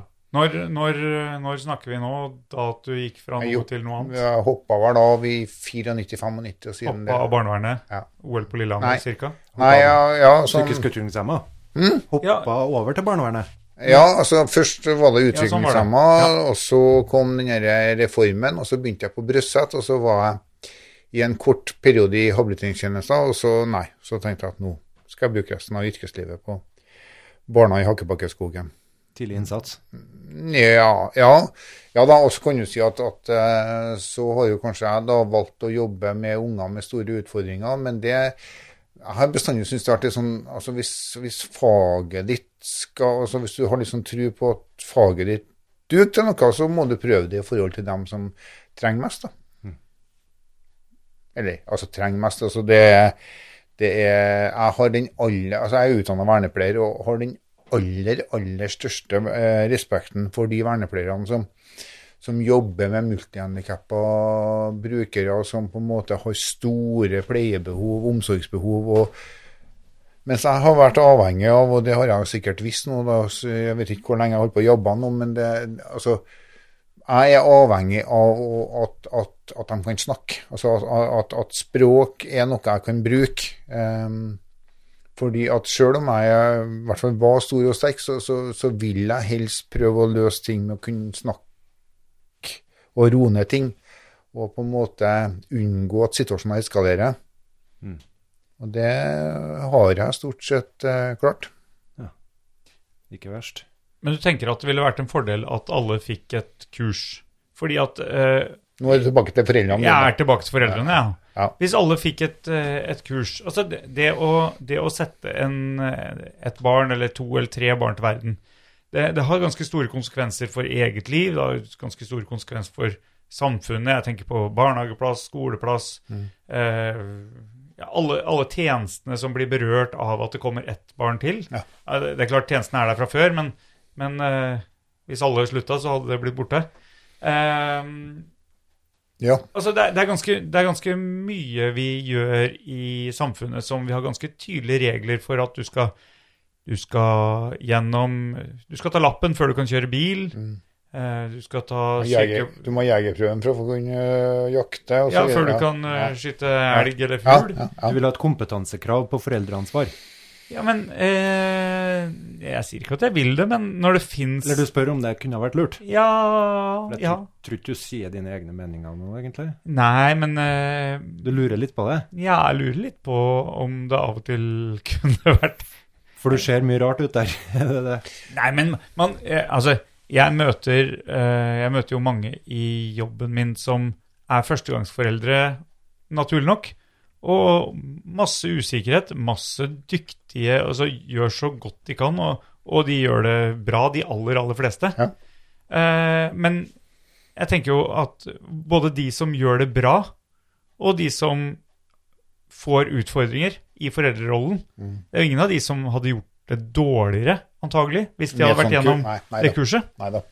Og så er det et eller annet med at én ting er nå på en måte et kurs, noe annet er i tillegg hvis du kunne ha vært i grupper og kunne diskutert situasjoner som oppstår, f.eks. når unger nekter å skifte altså, Ta det helt sånn basic fra unger er bitte små, de nekter å skifte bleie, eller altså alt det som unger kan finne på å gjøre. da. Eh, sitter og slenger graut sånn at det drypper graut fra taket. altså hvordan gjør dere altså det og, og det klart, Jeg, jeg, jeg var så frustrert jeg, når ungen, første ungen min lukka munn. Jeg, skulle, jeg hadde pappaperm, Mm. så skulle jeg gi den grøten. Og det, det var kjempeviktig at den fikk grøt, for hvis den ikke fikk grøt, så ble du ikke mett. Og så Alt blir gærent hvis du ikke får mat. Og jeg var så frustrert. Ungen lukka munn, og skjea gikk ikke inn. Og jeg Ja. Ja, Vår førstefødte han sovna mens kona mi satt og ga ham grøt, husker jeg. Det er klart, Da er det sannsynligvis ikke noen grunn til bekymring, men han hadde jo ikke spist opp grøttallerkenen. Sånn at, eh, altså, Nei, og, men, vi, og hvordan vet man det som førstegangsforelder, at det, det er greit? Det er greit, det. Og Hvis han ikke spiser mer, så er han sikkert øh, Han dør ikke Ja av det. Ja da, og så har du det her med sånn Vi hadde jo en som hadde kolikk. ikke sant? Du, du, du går Ja, døgn eh. altså Du kjenner at du Nå skulle jeg absolutt ha sovet og, og, og vært litt mer fordi, Eller nå for- blir jeg gæren. Ja, fordi at, at nå kjenner jeg at jeg begynner å bli sint, liksom, ja. for at du begynner å bli trøtt, og du begynner å bli sliten. Jeg har prøvd det. Ja. Og det er klart at Der tror jeg at hvis det hadde vært mulig, f.eks. Men det kunne også vært i regi av en barnehage. Kunne ha hatt samla foreldrene. Men da måtte det gitt dem en mulighet. Jeg tror at de burde altså Hvis bare én av foreldrene møter opp, så er jeg redd for at du mister noe vesentlig. Fordi at eh, da er det bare én som har hørt på en måte det, det gode budskap, og så skal den komme hjem og oversette det gode budskapet. Det har ikke jeg tro på. Altså, En må på en måte få høre det gode budskap sammen. Så tror jeg, altså har jeg, altså der tror jeg du Det kunne i hvert fall bidratt med noe. Eh, min uh, mor, som uh, nok kommer til å høre på den podkasten her også Mhm. Hun, eh, Når vi hadde kolikk hjemme, så etterlyste hun da det du nevnte tidligere her, husmorvikar. Ja, ja. Noen som kunne komme inn og eh, avlaste, for jeg, jeg har vel aldri, verken før eller siden, vært så sliten. Nei, nei, nei. Eh, det var en stor omveltning i livet. Gå fra Fri og Frank til eh, Eller to, to stykker Fri og Frank i et hus til eh, noen som bestemte og ropte hele Jeg tenker det er jo utfordrende å få unger, for at det kan skje så mye som du Eller det skjer mye som du ikke er forberedt på, og du møter deg sjøl, og du får den der panikkgreia der du plutselig er den forelderen du sjøl møtte når du var unge sjøl, og bestemmer deg for at eh, nå skal vi gjøre det sånn, for at det er sånn jeg vokste opp. Og så har du en annen person også som er forelder, en medforelder. Så det er klart det blir klinsjer. Så det jeg spekulerer litt på, er hvilke folk er det som søker mot å være fosterforeldre, egentlig? Når Nei, vet du, det er, det er Gud og hvermannsen. Det er på en måte alle. ja. Og så Men Hva er motivasjonen deres ofte? Har de noe fellestrekk der, da? Nei, ja, altså Det er jo sånne kampanjer, og noen av de kampanjene Jeg har ikke så mye hår å rive meg i lenger, men noen av de kampanjene har jo fått meg til å tenke at Jesus Christ, er det mulig? For det eh, kan du smøre en matpakke, var en kampanje. Kan du smøre matpakke til én ekstra? Og det er klart at det her er nok unger som trenger litt mer enn å smøre en matpakke ekstra. Det er ikke det, vi snakker om. Altså sånn eh, men, men sånn, for, fordi at det er sånne kampanjer som folk melder seg på. Men du spurte om folk får penger. Og, og da sier så sånn, så det enkle svaret er ja. Ja. De får penger, og de får altså det ene er at de får en sånn liten lønn, og så får de, eh, og så får de eh, utgiftsgodtgjøring. Det betyr at, at det offentlige eh, gi, altså betaler penger til familien din for at dere ikke skal ha noen ekstrautgifter på, så, på, på at dere på en måte tar vare på et av staten sine barn, da, for å sette det veldig på spissen. Et av barna som staten har tatt ansvar for Ja, sånn at, eh, ja. Og så er det noen av ungene som har omfattende behov, og da hender det at en går på løsninger hvor du frikjøper eh, mor eller far, altså en av så, altså, Det høres det kalles oppdragstaker, da. Altså at man frikjøper den som på en måte har eh, den kontrakten med barnevernet, da. Eh, sånn at man kan ha større, større del av tida si hjem, da. Jeg må si jeg blir litt Jeg får litt beundring for de folkene her, jeg. Fordi at jeg sliter nok med mine egne unger Jo, og mitt eget liv og kampen for å få ting til å gå rundt. Og så tenker jeg det jaggu meg bra vi har noen plasser som tar Ja imot. Og det er klart at det er utrolig mange fosterforeldre i Norge. Hvor mange det er, det aner ikke jeg, men det er mange, altså. Det er Ja. Tenk på tall. 20 000, kanskje. Mm. Ja. Alt i alt så er det jo mener at det er rundt 100 000 unger som på en måte har kontakt med barnevernet, men hvor, hvor det er veldig mye som handler om, om veiledning til foreldre, støttekontakt, altså, altså sånn, de her lettere tiltakene.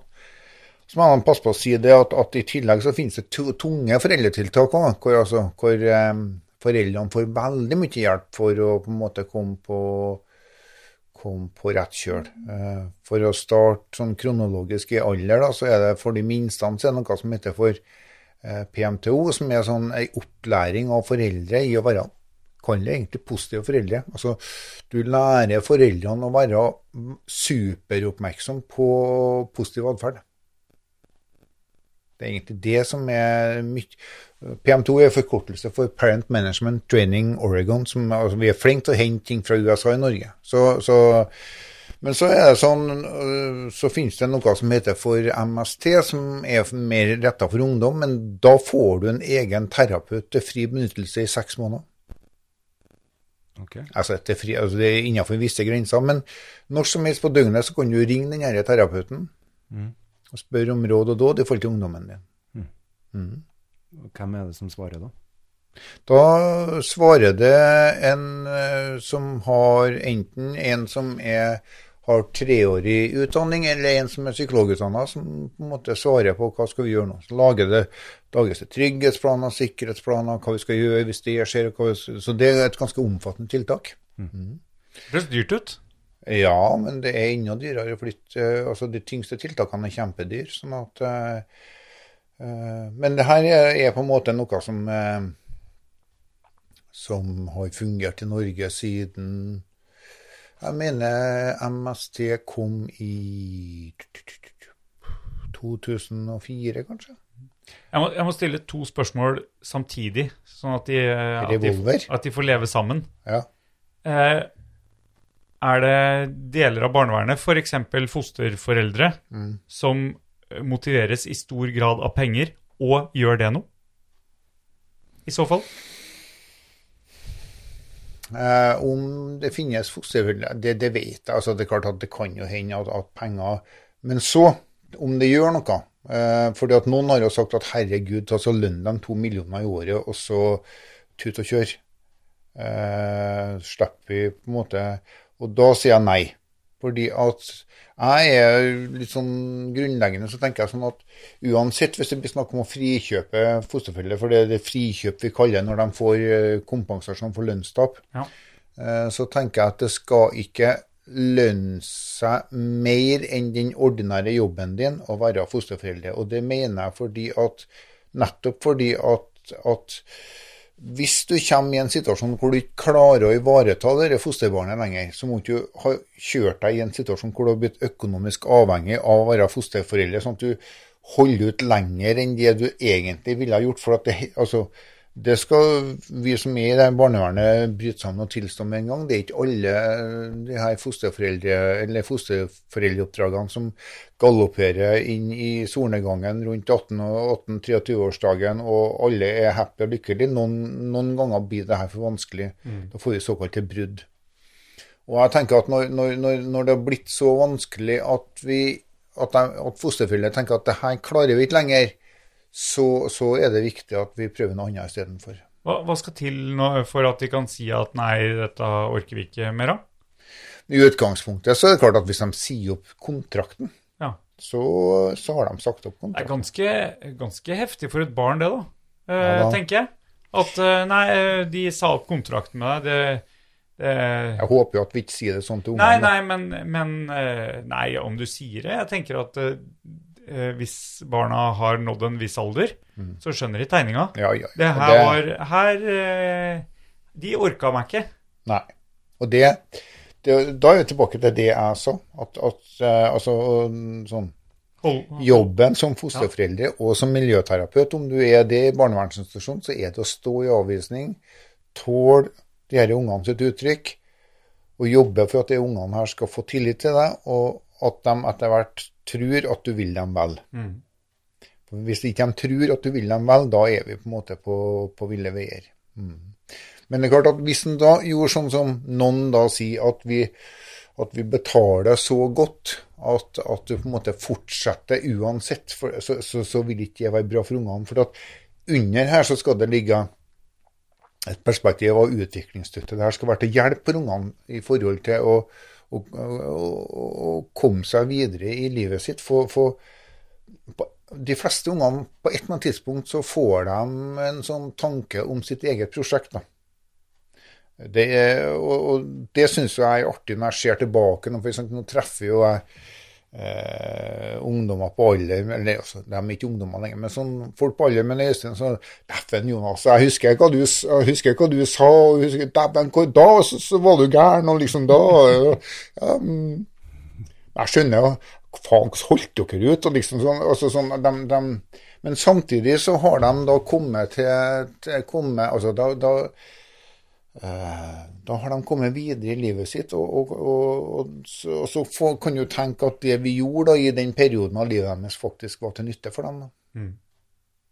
Og så er det dessverre noen som, eh, hvor det går fryktelig dårlig.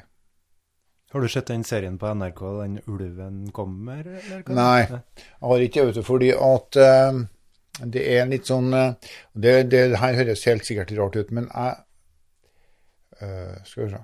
Det her krever en liten intro. Okay. Eh, hodet mitt er ganske fullt av sterke historier. Ja. Jeg klarer ikke noe mye mer av Altså, jeg klarer det som kommer i virkeligheten, men jeg klarer ikke det som kommer på film.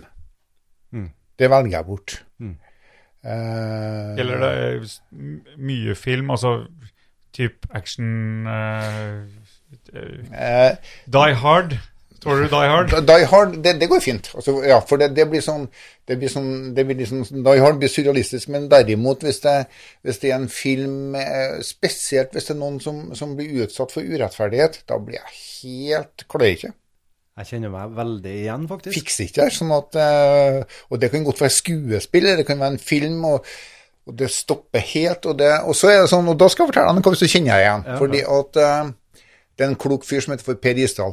Han har skrevet en bok som heter for I Norge så heter den boka eh, 'Smittet av volden'. Altså smitta av vold, da. Eh, på dansk så heter den 'Medfølelsens pris'. Og den, den, den handler om hva det gjør med folk når du på en måte har eh, eh, møtt Jesu død og lidelse da, gjennom, gjennom yrket ditt, og hvordan du kanskje kan gjøre det for å, å gjøre det likere. Men, men eh, jeg er kommet dit iallfall. Men du er jo ung da, Øystein, og tidlig at du kom dit, du da. Nei, jeg hadde en periode der jeg ikke kunne se noe annet enn det skulle være tull, det skulle være komedie, Mm. eller skikkelig fjasete science fiction, action, et eller annet Mm. Ja. à la Die Ja. Hard. Hvis det ble drama eller sånn, jeg holdt ikke ut det. Nei. Nå holder jeg det ut, altså. Jeg så den Ja. Mm. serien eh, på NRK, den ulven Og kommer. jeg så ikke den. Nei da, men den, den strålende serien, forresten. Ja. kanskje den beste serien jeg har sett Mm. i år, og det sier jeg stort sett når jeg har sett ferdig en serie. Ja. Og Der var det en episode fra en sånn barnevernssak der det var ei jente som overhørte saksbehandler og Eller barnevernet snakka med fosterforeldre og fikk tak i dette her med pengene. Der det var at de vurderte om fosterforeldre rapporterte feil, at det var mer at gutten her da var mer utfordrende, så de skulle få mer penger. Det ble en sånn byråkratisk sak. Og så var det en unge som hørte det der, hvorpå hun gikk tilbake og da sa at eh, nei, hun var ikke utsatt for noe omsorgssvikt. da. Var, jeg skal ikke spoile, så det var omtrent sånn. Så klart, unger får jo med seg ting. Ja og hvis det Og, og det er ikke uvanlig f.eks. at unger i, i, i barnevernsinstitusjoner sier at det her gjør du bare for at du får lønn. Mm. Og det er klart at uh, Den er hard. Iso, nei, altså isolert sett så, så er du jo på jobb for at du får lønn. Ja. Ja. Ja, OK, jeg tenkte hvis du er fosterforelder Ja, da, og det er klart at Hvis du er fosterforelder, så kan du sikkert også få den i fanget. Ja. Så er det et eller annet med å prøve å holde et perspektiv på at ja, ja, det eneste jeg, som er jobben min, det er å få deg til å forstå at jeg vil deg vel. Mm. Men så er det sånn, altså Fosterforeldre er gjennomsnittet av, av Norges befolkning. Noen av de ungene har veldig omfattende behov. Så det er klart at det, det gir seg litt sjøl at, at um, det av og til blir for vanskelig. Noen ganger så kan det hende at en er rett og slett uheldig med valg av fosterforeldre. Det, det kan jo skje. altså, du, du har ikke noen garanti for at du liksom, når du siler så mange familier, at alle sammen er 140 i, i kompatibel med den ungen som Du skal tross alt matche den ungen med familien, men allikevel. Og jeg ser for meg fosterforeldre har jo sine egne liv, og livet er jo Ja. uforutsigbart. Ja. Alle sammen kan jo bli et eh, raslende løv i vinden, Ja da. selv om en har vært ei klippe. Ja da, ja da. Ja, ja da, du kan ja. Så det, det, jeg sitter igjen med beundring uansett for det her folkene Eller du har jo gjort det her to ganger. Ja. Når du sier at du har unger, hvor mange unger sier du at du har da? Er de inkludert i Hvordan, hvordan blir det her? Nei, de er, der, de toene der er på en måte ikke helt sånn inkludert, men de er inkludert. Altså, vi har fortsatt kontakt med hun ene, han andre bodde til oss ganske kort. Ok. Eh, han var på en måte sånn, Det var sånn alternativ til, til å bo på institusjon. Så fant jeg ut at det var mye likere at han bodde Det er klart at det å bo i barnevernsinstitusjon er en ganske utfordrende størrelse, fordi at uh, eh, du skal bo sammen med flere. Ja. Og du skal bo sammen med flere med store utfordringer. Det er kanskje ikke dem som har de beste eh, måtene å møte deg på hvis du skal lære deg å takle ting som Du kan risikere at du får noen sånn enforcement side effects, at, de, at du på en måte lærer ting som du ikke burde ha lært. ja. for, Forsen Hva kalte du det? Unfortunate, altså noen sånne bieffekter som du ikke Som er på en måte en sånn Ja. Ja, for det dukker vel stadig opp eh, historier med folk som ikke har noen positive erfaringer fra barnevernsinstitusjoner. Ja, ja, ja da. Og mente at det starta der. Ja, ja da. Og det er klart at, at øh, det er jo altså Når vi snakker om det med sånn fosterhjem versus institusjon, så er det jo sånn at uh, det er ikke så lett å skaffe fosterhjem til ungdom. Okay. Og det er ikke så lett å uh, Det er nok mer utfordrende å skaffe fosterhjem til ungdom enn enn- enn andre unger. En stund så var det utfordrende å finne fosterhjem til unger med annen etnisk bakgrunn, og så har han kommet et stykke lenger og, og klarer å finne fosterhjem. Altså, Han jobber mye for å finne eh, fosterhjem med samme etniske bakgrunn som ungene. Så det, nå jobbes det veldig mye for å finne fosterhjem i familienettverk. Altså det betyr sånn, Nettverk betyr jo sånn trenere, lærere. Eh, en del av kampanjene som går nå, er blant et par lærere som står frem, som, som har da unger boende hjem til seg. Altså Det kunne jo være en førstelærer som på en måte eh, for, for, altså, Og barnevern. samtidig kjenne foreldrene, da. Ja, ja. Ja, sånn? ja. Da må jo samarbeidet være veldig godt. Det, ja, det kan jo altså det kan være utfordrende, men det kan jo, det kan jo også gjøre. Jo, men det kan jo òg gjøre at foreldrene kanskje har større tillit til hjelperen. da. Akkurat. Mm. Det, n- det var- for det var neste spørsmålet mitt. Hvorfor er unger og ungdom i institusjon i hele tatt? Men det høres ut som det kanskje ikke er nok fosterforeldre. Er at det er ønska at det er et hjem. Det er ikke nok fosterforeldre. Og så er det, og så er det eh, Når ungdom kanskje, da snakker vi kanskje spesielt om ungdom, har utvikla store atferdsvansker, Mm. så er, er det en grense for hva et hjem rett og slett tåler av, av, av trykket. Akkurat. Nå skal det sies at akkurat nå så har vi starta noe nytt som heter for TFCO. Vi får alt fra, fra USA, Treatment Foster Care, Oregon, som er, det er for barn med atferdsvansker. Altså, og hvis noen av ungene hører på meg, så blir de sikkert sånn faen. Han særlig han der har jeg vet jo ikke altså det, det er rett og slett en merkelapp vi setter på unger, og, og, og, og det er rett og slett for å prøve å sortere i, i, i, i ei gruppe av unger. Noen er på en måte plassert på omsorg, på omsorgsparagraf, og noen er plassert på atferdsparagraf. Og, og, og forskjellen er rett og slett sånn eh, i utgangspunktet uttrykket til, til barnet, ungdommen. Og så er ikke denne paragrafen en sånn innholdsfortegnelse, sånn at det er en haug med gråsoner i det her. sånn at det er Men eh, omsorg og atferd eh, Jeg tror du sa noe om det i stad, ja, men nå ble jeg usikker. Er det omsorg, eh, omsorgsparagraf, går det på foreldrenes omsorgsevne og foreldrenes Ad- atferd? Nei, atferd går på barnets atferd. Det går på barnets atferd. Ja, ok. Men eh, Hva heter det igjen? TFCAO? T- TFCO, ja, Treatment Foster Care Oregon, som er behandlingsfosterhjem, hvor ungdommene bor i seks til sju måneder. De her behandlingsfosterhjemmene har eh, De har psykologer og, og veltrente veiledere.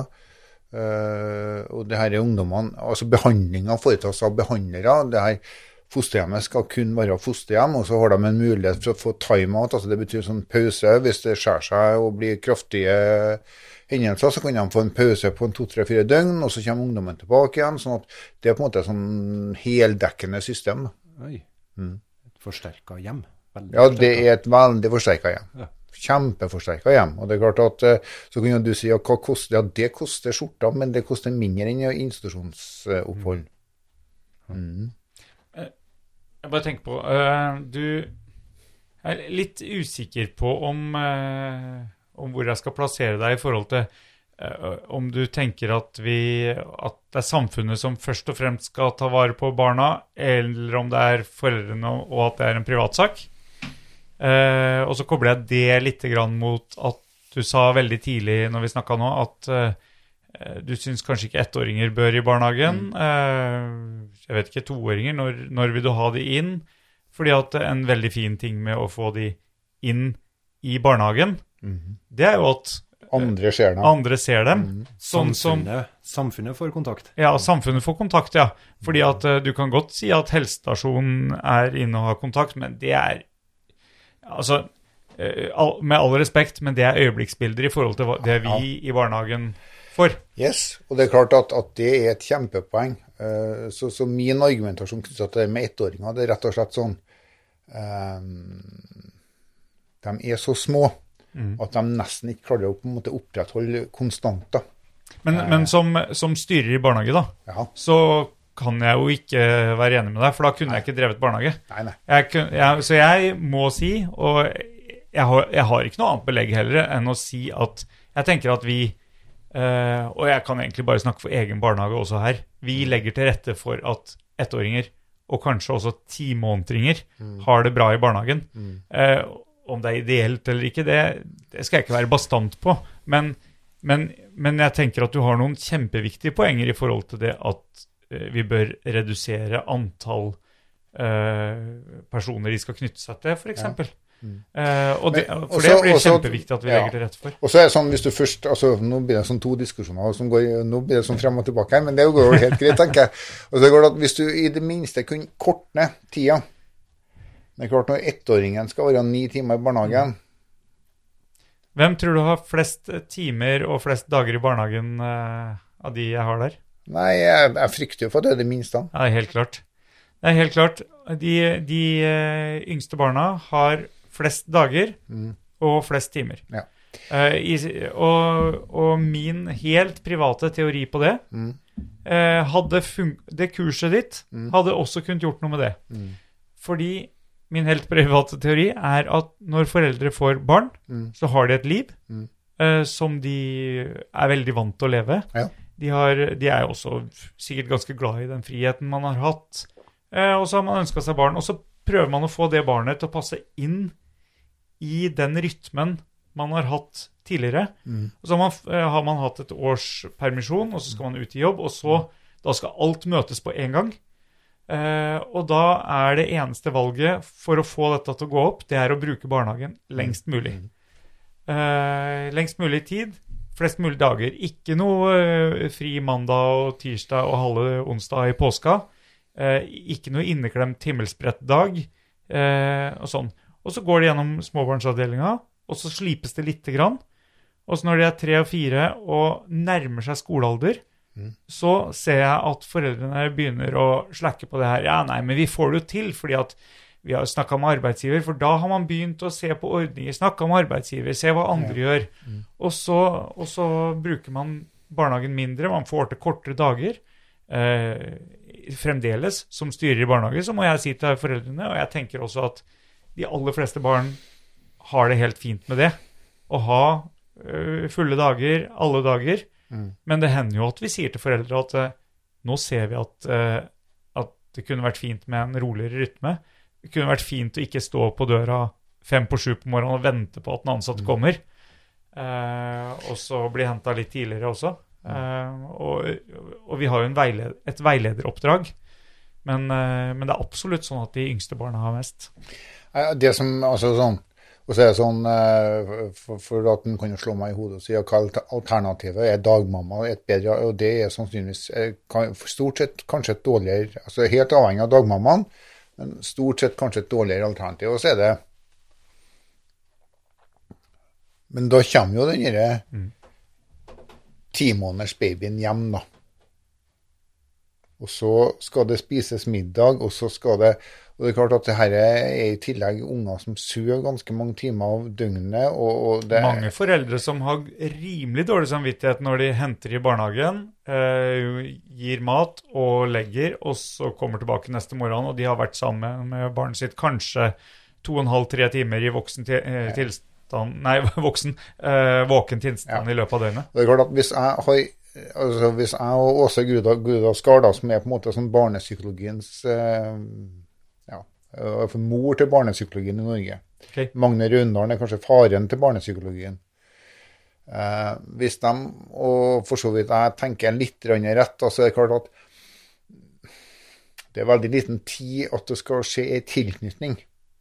Og hvis den tilknytninga igjen skal representere basen for eh, det å utforske verden og altså det, det blir, det blir et, et veldig hektisk liv. og så, Jeg har ikke noen god løsning på det, men sånn øh, ut ifra sånn, sånn som jeg tenker og forstår små unger eh, og Da kommer du inn på sånn objektkonstans osv. Altså hvordan klarer de på en måte å holde et bilde konstant i hodet sitt? Om, tror du, tror du f.eks. timånederungen klarer å holde et konstant bilde av mammaen sin i løpet av dagen i barnehagen?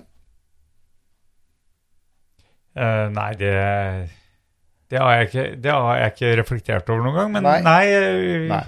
Altså, er en, amerikansk barnepsykiater, han har sikkert vært død i mange år, som en Donald Winnicott, og han, han skriver mye om det der med objektkonstans. Og, okay, ja. det er klart, altså sånn, jeg har jo sett hvordan, det her, altså, hvordan ting blir når det går galt. Altså når tilknytninga ikke blir rett, og, og, og hvor, hvor, hvor, hvor unger strever med det her med sånn tilknytning. Og det er jo ganske stor van- prosentandel som har en, en eller annen form for tilknytningsskade. Ja. Skal jo sies at det er ikke bare foreldre som går hjem med dårlig samvittighet. Jeg jobba jo i mange år på småbarn, og jeg må si jeg gikk hjem og følte meg helt udugelig mange ganger. For jeg er helt overbevist om at det er altfor tidlig å begynne som ettåring. Og jeg hadde ikke nubbsjans, følte jeg, til å dekke behovene til ungene her. Gikk jeg med, det her var en periode jeg ikke kunne se noe annet enn science fiction og komedie.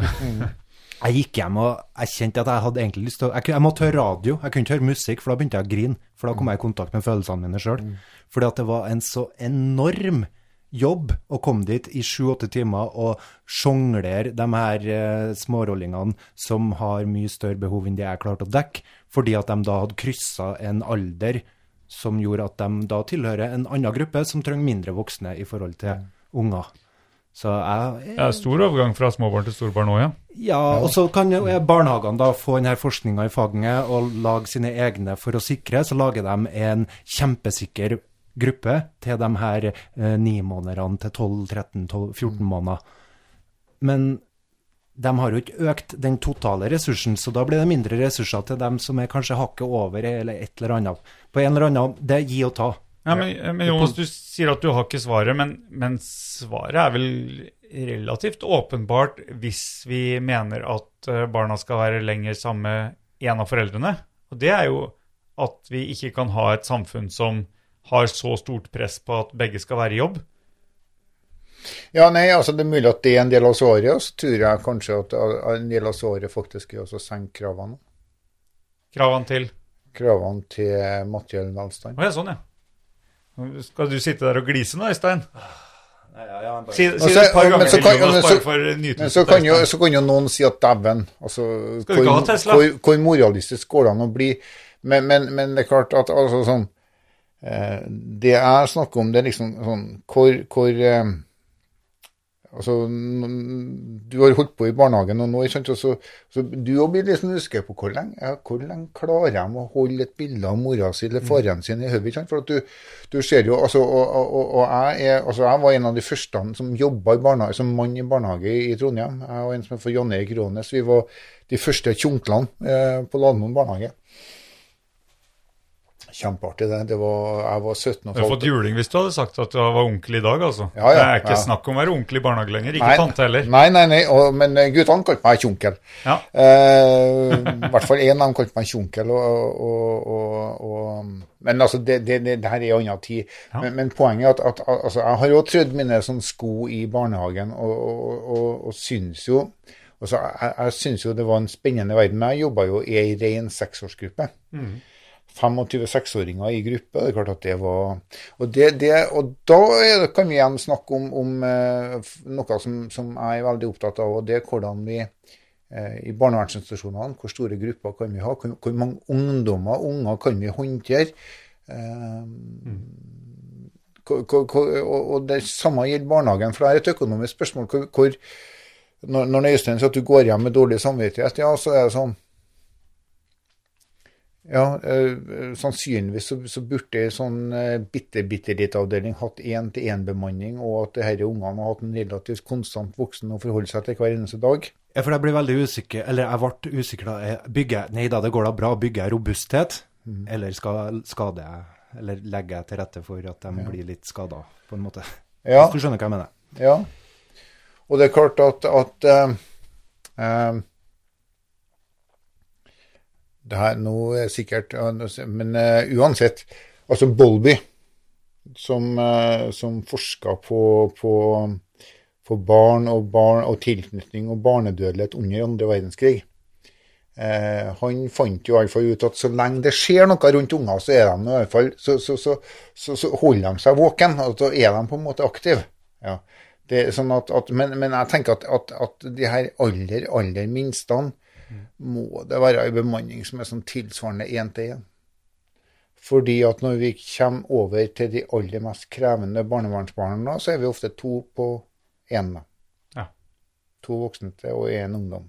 Ja, men, men jeg, Det er det alltid jeg har tenkt òg, at alternativet må være det. Pål, For du spør jo alltid hva er alternativet. Jeg tenker mer uh, bruk mer ressurser på, tidlig, på et tidlig tidspunkt, for det må da koste mer når du ser utslagene senere i livet, Ja. har jeg tenkt. Ja, sånn, ja, og så er det noe, altså Jeg tror ikke at barnehagen er det som skaper vansker for unger på sikt, men uansett så tror jeg at, at hvis, vi, hvis vi legger til grunn at, at, at vi ivaretar unger bedre og tilbyr dem bedre vilkår, med at det er større grad av voksentetthet og grupper er mindre eh, Jeg hørte om en barnehage i Oslo hvor det var 600 unger. De var ikke sammen i ei gruppe, men sånn totaliteten var et svært hus med 600 unger. Og det er klart at du forebygger at unger går i vei, for det skjer jo altså hvis du Tilbake til han Bolby som jeg refererte altså Det skjer jo noe hele tida, men om, om det er på en måte utviklingsstøtte, og om det er det, det, er det som er på en måte sånn altså Er det, er det, er det noe vi gjør ut ifra den kunnskapen vi har om hva som hjelper unger, og hvordan vi best mulig tilrettelegger for unger, eller er det noe vi gjør i en mikstur mellom New Public Management og, og økonomi og, og fag? Og må faget på en måte må faget vike da på alteret til New Public Management. Og det, det altså, Nå er vi på politikk, men, men jeg mener jo det at, at unger er på en måte så framtida. Men, ja, men du sier eh, på politikk, og det kan vi godt. Eh, men eh, du, du sier vi må, vi må senke krava. Ja. Eh, eventuelt. Det er et alternativ. Ja. Men da må, da må vi tre rundt bordet her senke krava våre individuelt, ikke sant? Jeg må bestemme hva som er min, eh, eh, min plattform. Du må din, og Øystein må, må sin. Men eh, kommer, det å, kommer det til å funke, eller, eller trenger vi at måte staten går inn og sier at eh, vi senker krava Altså, en, en måte å senke krava på er jo å ha ja, Si to, to års uh, fødselspermisjon, da. Ja. Da senker du jo krava i den grad at du sier at nei, det er bare én som trenger å jobbe de to første åra. Mm. Det er jo en mulighet, da. Ja. Men, men så, så sitter vi jo også i Norge med kanskje verdens beste fødselspermisjonordning. Hva gjør du for noe, Øystein? Jeg ordner litt mer eh, drikke og te. Ja, og te utover gulvet, eller? Nei. Men uh, siden du drar videre, så kan du ordne mer oppi den. Jeg skal gjøre det. Jeg satt på vannet. Ja, ikke sant? Nei, ja, altså Vi, vi finner helt sikkert ikke løsninger her, men, men, men det som Kan vi ikke det, da? Kan vi ikke finne Ja. løsninga? Det som er utgangspunktet mitt, i hvert fall, det er det disse småttisene. Ja. Ehm, altså, du ser jo når du leker med de småttisene Når de begynner å klare å ha det jeg kaller objektkonstans, da, Mm. da, da, da er det når de begynner å finne ut at det er titt borte er artig. Men sitter Altså Når titt borte er skremmende for dem, da er ikke de moden for den, ja. For da klarer, ja, men da klarer de ikke å opprettholde bildet. Og, men, mens når titt borte blir artig, da klarer de i hvert fall i en liten periode å holde et sånn, uh, bilde av, av uh, omsorgspersonen.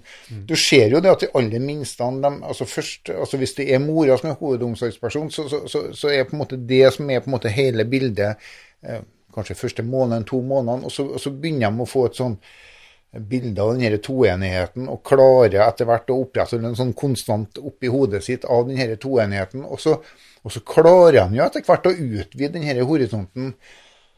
Men det, det jeg spør om, det er liksom sånn altså den moderne barnehagen med, med, med mange ansatte. kanskje høyt, altså Får du i tillegg en barnehage med høyt sykefravær, stor turnover og alt det altså, så, så det, det, det det som er på en måte sånn også, Jeg kan ikke bestemme at folk skal slutte å være syke. Nei, da. ikke nei, nei, nei. Men, men sitter du med en og Det er ikke sikkert du sitter med den følelsen før eh, jeg eventuelt har stilt spørsmålet, men eh, Men, men eh, ja, Sitter du med en følelse eller en tanke om at eh, det her som vi snakker om nå, for omsorgen for de aller minste barna i Norge, eh, har en sammenheng med at vi trenger flere fosterhjem seinere?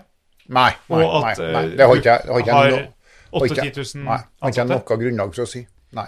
Nei, Det tror jeg Nei, men, det eh, tror jeg handler Jeg spurte, om følelsen din på det, så du trenger ikke noe grunnlag. Du kan bare synse. Nei, nei, nei det, jeg klarer ikke å synes noe om det heller. Det, det er derimot eh, Det er derimot Siden du spør, så har jeg jo noen tanker om det. Eh, Og da er ikke jeg på barnehagen, men eh, hvis- altså Den nordiske oppdragelsesmodellen er jo, er jo en sånn Den er jo veldig sånn ivaretakende i forhold til unger. Og, og, og den nordiske oppdragelsesmodellen, den er jo den er jo veldig sånn Altså, vi, vi, vi skal ikke slå barn, vi skal ikke eh, Altså, unger skal Og så tenker jeg at, at et sted under veien så kan det til og med hende at, at vi har gått for langt ut på den aksen med at, at eh, vi skal på en måte eh, Altså, jeg er tilhenger av, den, av voksne med autoritet. Nok en gang så gjør jeg forskjell på autoritær og autoritet. Ja. Og jeg tror at unger trenger den formen for autoritet for å bli trygg. Jeg, jeg, når du sier eh, voksen med autoritet, så legger jeg i det at du mener trygge voksne. Ja, Ja. ja. Og sånn kan si at om nå er det sånn. Jo, men det, er, Ja. det, det oppleves trygt å ha trygge rammer. Ja. Og det er klart at, at, at mens, mens Og det er klart at når jeg vokste opp, så var det jo, så var det ikke så veldig stort forhandlingsrom. Jeg har vokst opp til kjempeålreite foreldre, aldri blitt slått og aldri vært utsatt for, for altså, bestandig blitt støtta på det jeg har valgt og det er ikke måte på. sånn at det, det, altså jeg har, men, Mens jeg hadde jo Den gangen var det jo vanligere at unger fikk en ørfik hvis det var et eller annet. Men så underveis da, så har vi fått forhandlingssamfunnet Ja. hvor unger har blitt kjempegode forhandlere. Og, underveis, altså, og, og der er det mange muligheter for å snuble og, og starte på noe som jeg kaller sånn skjevutvikling. da. Eh, og så er det noe med denne Barns medbestemmelse, altså? Ja, ja. Er det skeiv utvikling? Nei, jeg sier ikke at det er skjevutvikling, men jeg sier at altså, må, unger må få bestemme ut ifra hvor gamle de er. Og det er klart at, at det kan hende at vi er i ferd med å snuble litt da, i forhold til at unger, veldig små unger kan forhandle veldig mye rart og bli veldig flinke forhandlere. Tenker du noen gang at det er viktigere at voksenpersonen står i det å være trygg eller autoritær, enn det at den nødvendigvis har rett?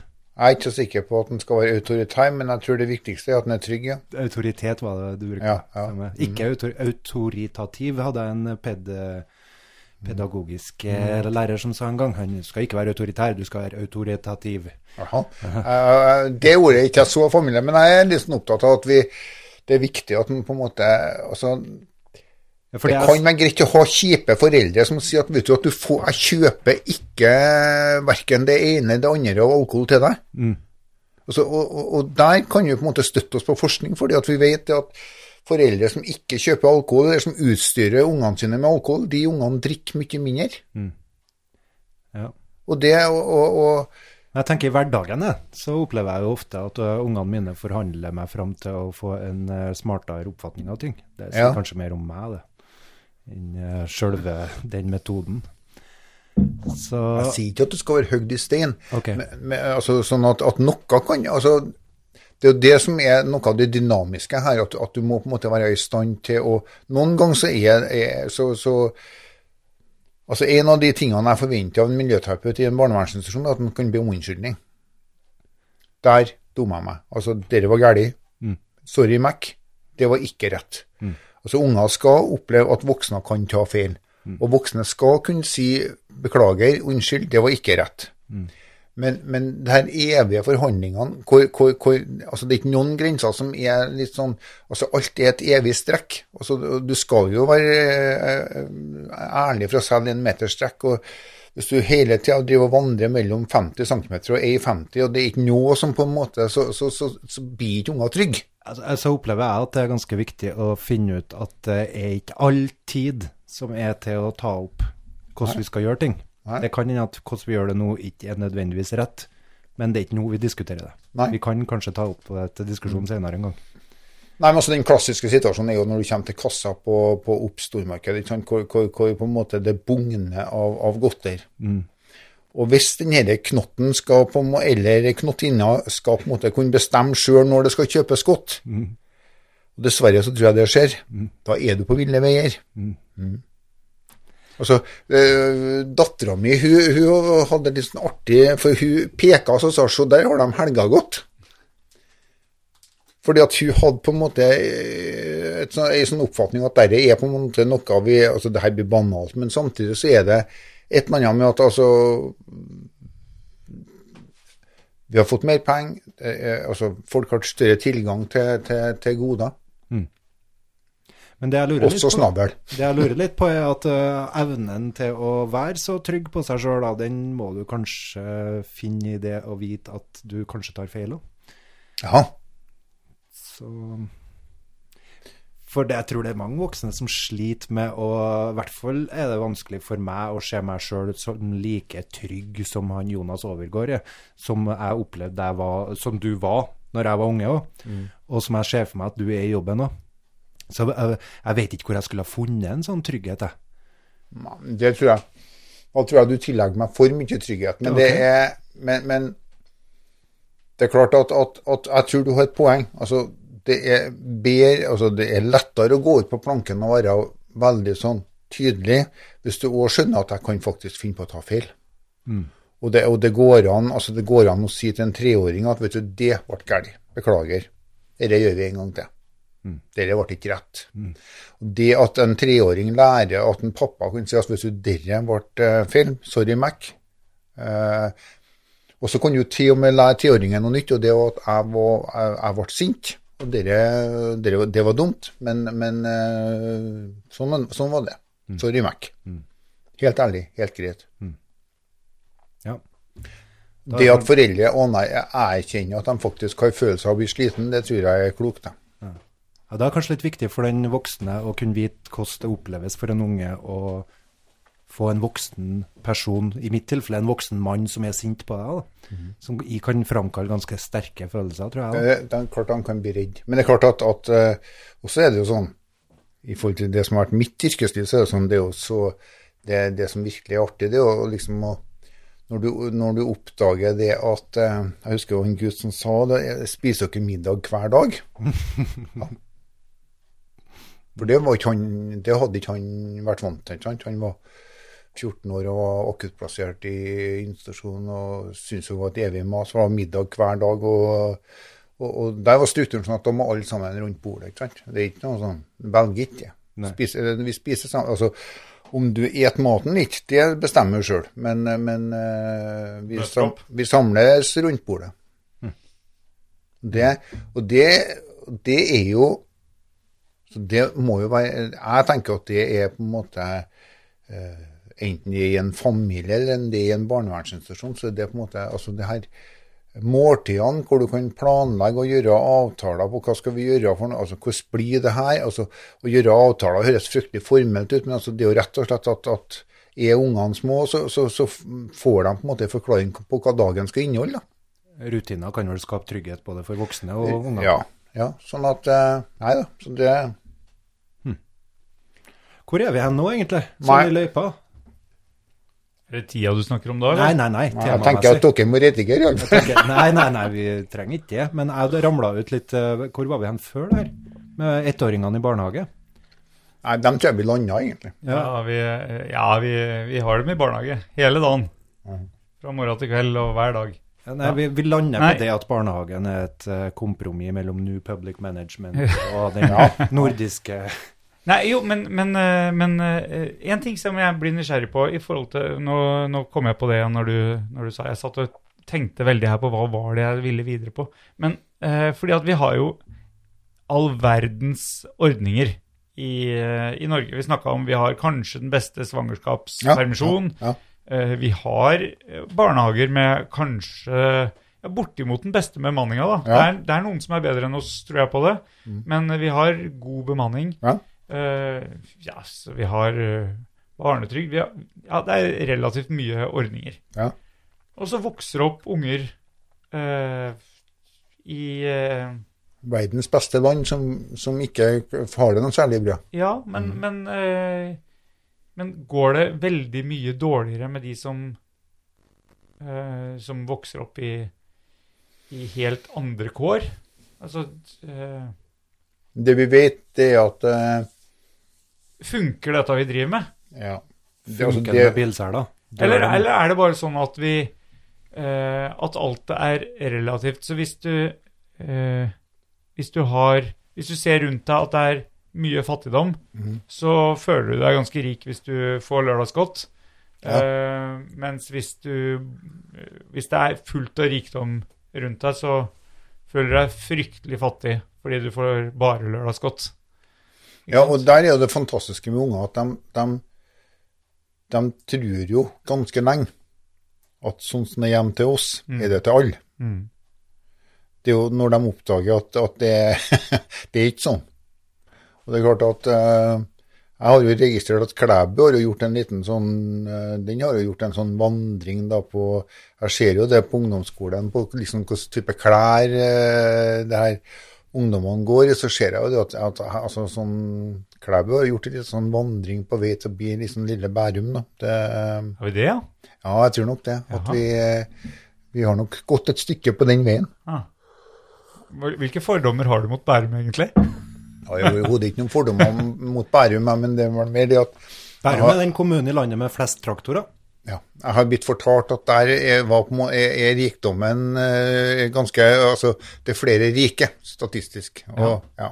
Men, men, men apropos de som da ikke har det så bra i eh, altså, Eller de som ikke har så mye penger i Bærum, føler seg kanskje da fattigere enn de ville Mm. Ja. gjort hvis de hadde Og det var det som var poenget mitt med det her, at, at når unger på en måte på et tidspunkt oppdager at det er ikke sånn altså, det er ikke sånn som hjemme til oss, til, til dem. altså De, de oppdager, altså, de begynner å oppdage forskjellene, og, og hvor gamle de er når de begynner å oppdage det, det vet jeg egentlig ikke. Men kanskje rundt 10-11-12 så begynner det der med forskjellene å bli liksom påtrengende.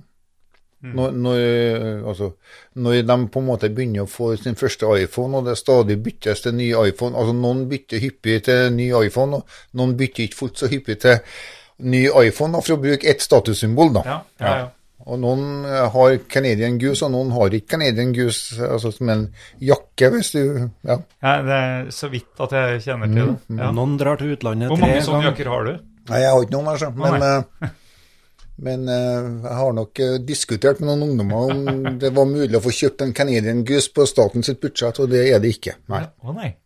Men, men det er jo verdt å ta tak i det der, for det er jo mer tegn Det er lettere å se nå, for vi gir mer eh, uttrykk for hvordan vi har det gjennom sosiale medier med bilder. og Det er mye lettere å se hvordan andre har det nå, når du får eh, alle feriebildene på Instagram. Og Ja, ja. han er på Gran Canaria og Ja, Gran Canaria, Pål? Har ikke du vært her? Ikke, ikke nå. Nei, ok. Uh, ja, det, det var ikke så åpenbart før, før du begynte å komme inn i andre sine hjem, på en måte. Nei, og så kommer du inn i andre sine hjem fryktelig enkelt med å ta opp den nye smarttelefonen. Ja. Og selv om vi sikkert skal begynne å gå inn for landing snart, så, så da, da har jeg ett punkt til, vet du. For det er klart at, Jeg tror egentlig ikke vi har nødt til det. Altså. eh, det er klart at når jeg ser altså, Vi har ikke nødt til å gå inn for landing, bare Ja. kjør på. ja, når, vi er, altså når jeg er på kaffe, og så ser jeg treåringen som fortvilt prøver å komme gjennom eh, skjermen til mor eller far som I sitter skjermen, kanskje? Ja, eller forbi, ja. Det tror jeg kanskje er noe som vi Altså, det Jeg ser når, når, når du har en unge i barnevogn, og du går med og kikker på skjermen og ikke nedi vogna altså du, altså det, det er greit hvis ungen ligger og sover, så må du bare glane på skjermen, men, men den denne kontakten, connection Jeg har det motsatte problemet. Jeg, jeg blir uvel sjøl. Jeg prøver å få kontakt med ungdommene mine. Men gjennom skjermen deres. Så, men det er bare å ordne seg en sånn konto. Det kan du tipse de ungene om, da. Så kan du melde på Snap, f.eks. Hvis de sitter og ser på Snap, så kan du melde dem der. Og da når du gjennom. Ja, ja. ja da. Ja, da. Men uh, mine blir irritert når jeg gjør det. Gjør de det? Gjør ikke dine? Nei. De gjør det samme tilbake til meg. da. Så vi kommuniserer gjennom via en skjerm. Ja. Innad i huset. Det kjempebra. Det, det, det må jo være bra. Men, men, altså, men poenget mitt var på en måte tilknytninga og kontakten med de her er. F.eks. de her minste ungene. da. Jeg er helt enig i Eh, opplevelsen. Tror jeg må være grusom ja, for små så- Men kan vi få det, det også inn i det kurset? Ja, det tror jeg vi skal. Ja. Men jeg, jeg, tror, jeg, jeg tror at vi må ha det kurset, eh, og at vi må gjøre det litt usikker på obligatorisk, for jeg er ikke så for tvang. Men vi må gjøre det så attraktivt at folk skjønner at eh, før de skal på byen og enten eh, få unge veldig fort, eller planlegge det med noen de har bodd sammen med et par år, så må de komme seg på kurs. Ja.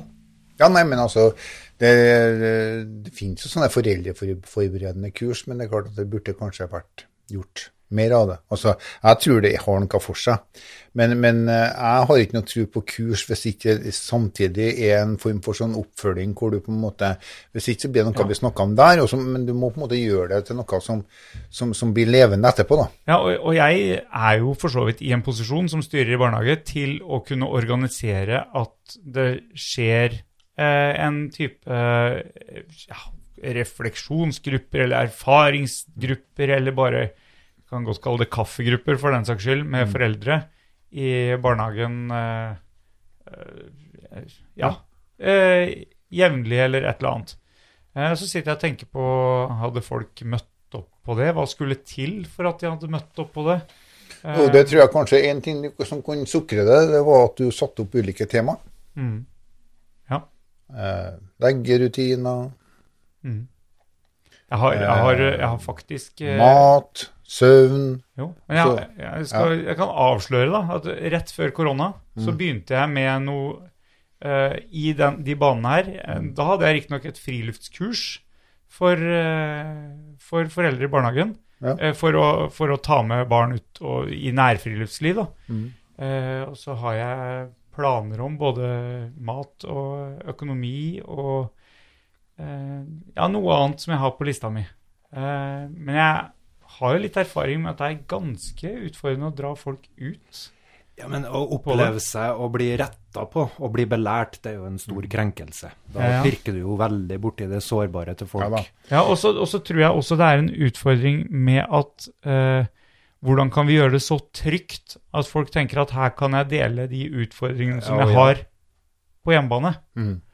Eh, Jo da, men, men du vet at um, Ingar Lerem, Jobba jo som sånn skadekirurg på Ullevål sykehus eh, en gang i Ja. Ja, det var et kjent navn. ja. Ja. Det var Og- idretts... Ja, idrettslege og, og eh, Og den gangen så lå jo ungene og så på hatthylla, og, og, og, og når det ble kollisjoner, så, så ble det jo forferdelige skader. Ja. Ja. Så starta han et prosjekt da i forhold til det med sikring av barn i bil. Eh, han er jo på en måte sånn faren til, til, til på en måte barneselta, at vi i Norge har en lovgivning som er knallstram på det her med sånn sikring. Altså Du får jo så hatten passer hvis du har en løs treåring i baksetet. Det, det, blir du stoppa da, så har du ei utfordring. Ja, og kommer det en svingende inn på parkeringsplassen hos meg, så er det eh, Så ta, må jeg ta det opp med de. Ja. Eh, og egentlig så, så blir jeg oppfordra til å også kontakte barnevernet, faktisk. Og det, Han lanserte jo en nullvisjon, og, og ble jo litt sånn hoderystende. For at det var jo altså det var jo vanlig at unger døde i bilulykker. så det var på en måte sånn er det nå. Eh, vi må regne med at noen eh, kryper. Nå, er, nå hørte jeg i fjor så var det ingen barn som døde i trafikken. Og var det ingen barn som Ja, det var noen som ble ganske alvorlig skada, men ingen døde. Det er vel første året, tror jeg. Ingen døde barn. Eh, og så er det sånn, tørs vi å på en måte tenke litt sånn uh, uh, For det beste for unger er å få vokse opp hjemme. Ingen relasjonsskada barn. Ja, det var kanskje i alle fall at, at, at vi på et eller annet vis setter oss et mål, og så, og så, og så prøver en ut. fordi at det her med Det finnes foreldreforberedende kurs, og det finnes ditten, og, og familievernkontorene har òg F.eks. familievernkontoret i Molde har et, eh, noe som er digitalt som heter Litt sint, som rett og slett handler om når foreldre blir Altså når du kjenner at det koker. Når du blir litt, eh, altså, litt sint. For, Det skjer de fleste. ja, og, og det er jo ofte ledsaga med fryktelig dårlig samvittighet for at du ville ikke bli så sint. Eh, sånn at eh, det, det, det finnes mye, men, men spørsmålet er om du skal prøve også Og det og det som er også sånn eh, Barnevernet må på en måte erkjenne at, at vi har tvang, og vi har tvangsmidler, og, og vi er en del av maktutøvelsen i Norge. Ja. Eh, men går det an, oss, går det an å, å altså Som du sier at jeg vil gjerne ha frivillighet, men det hadde jo, hadde jo unektelig vært kjekt om, om eh, det kunne vært noen sånne foreldrekurs og, og samtalegrupper hvor du i alle fall eh, eh, deltok en noen gang, da. Ja. Alkohol og barn. Eh, ja.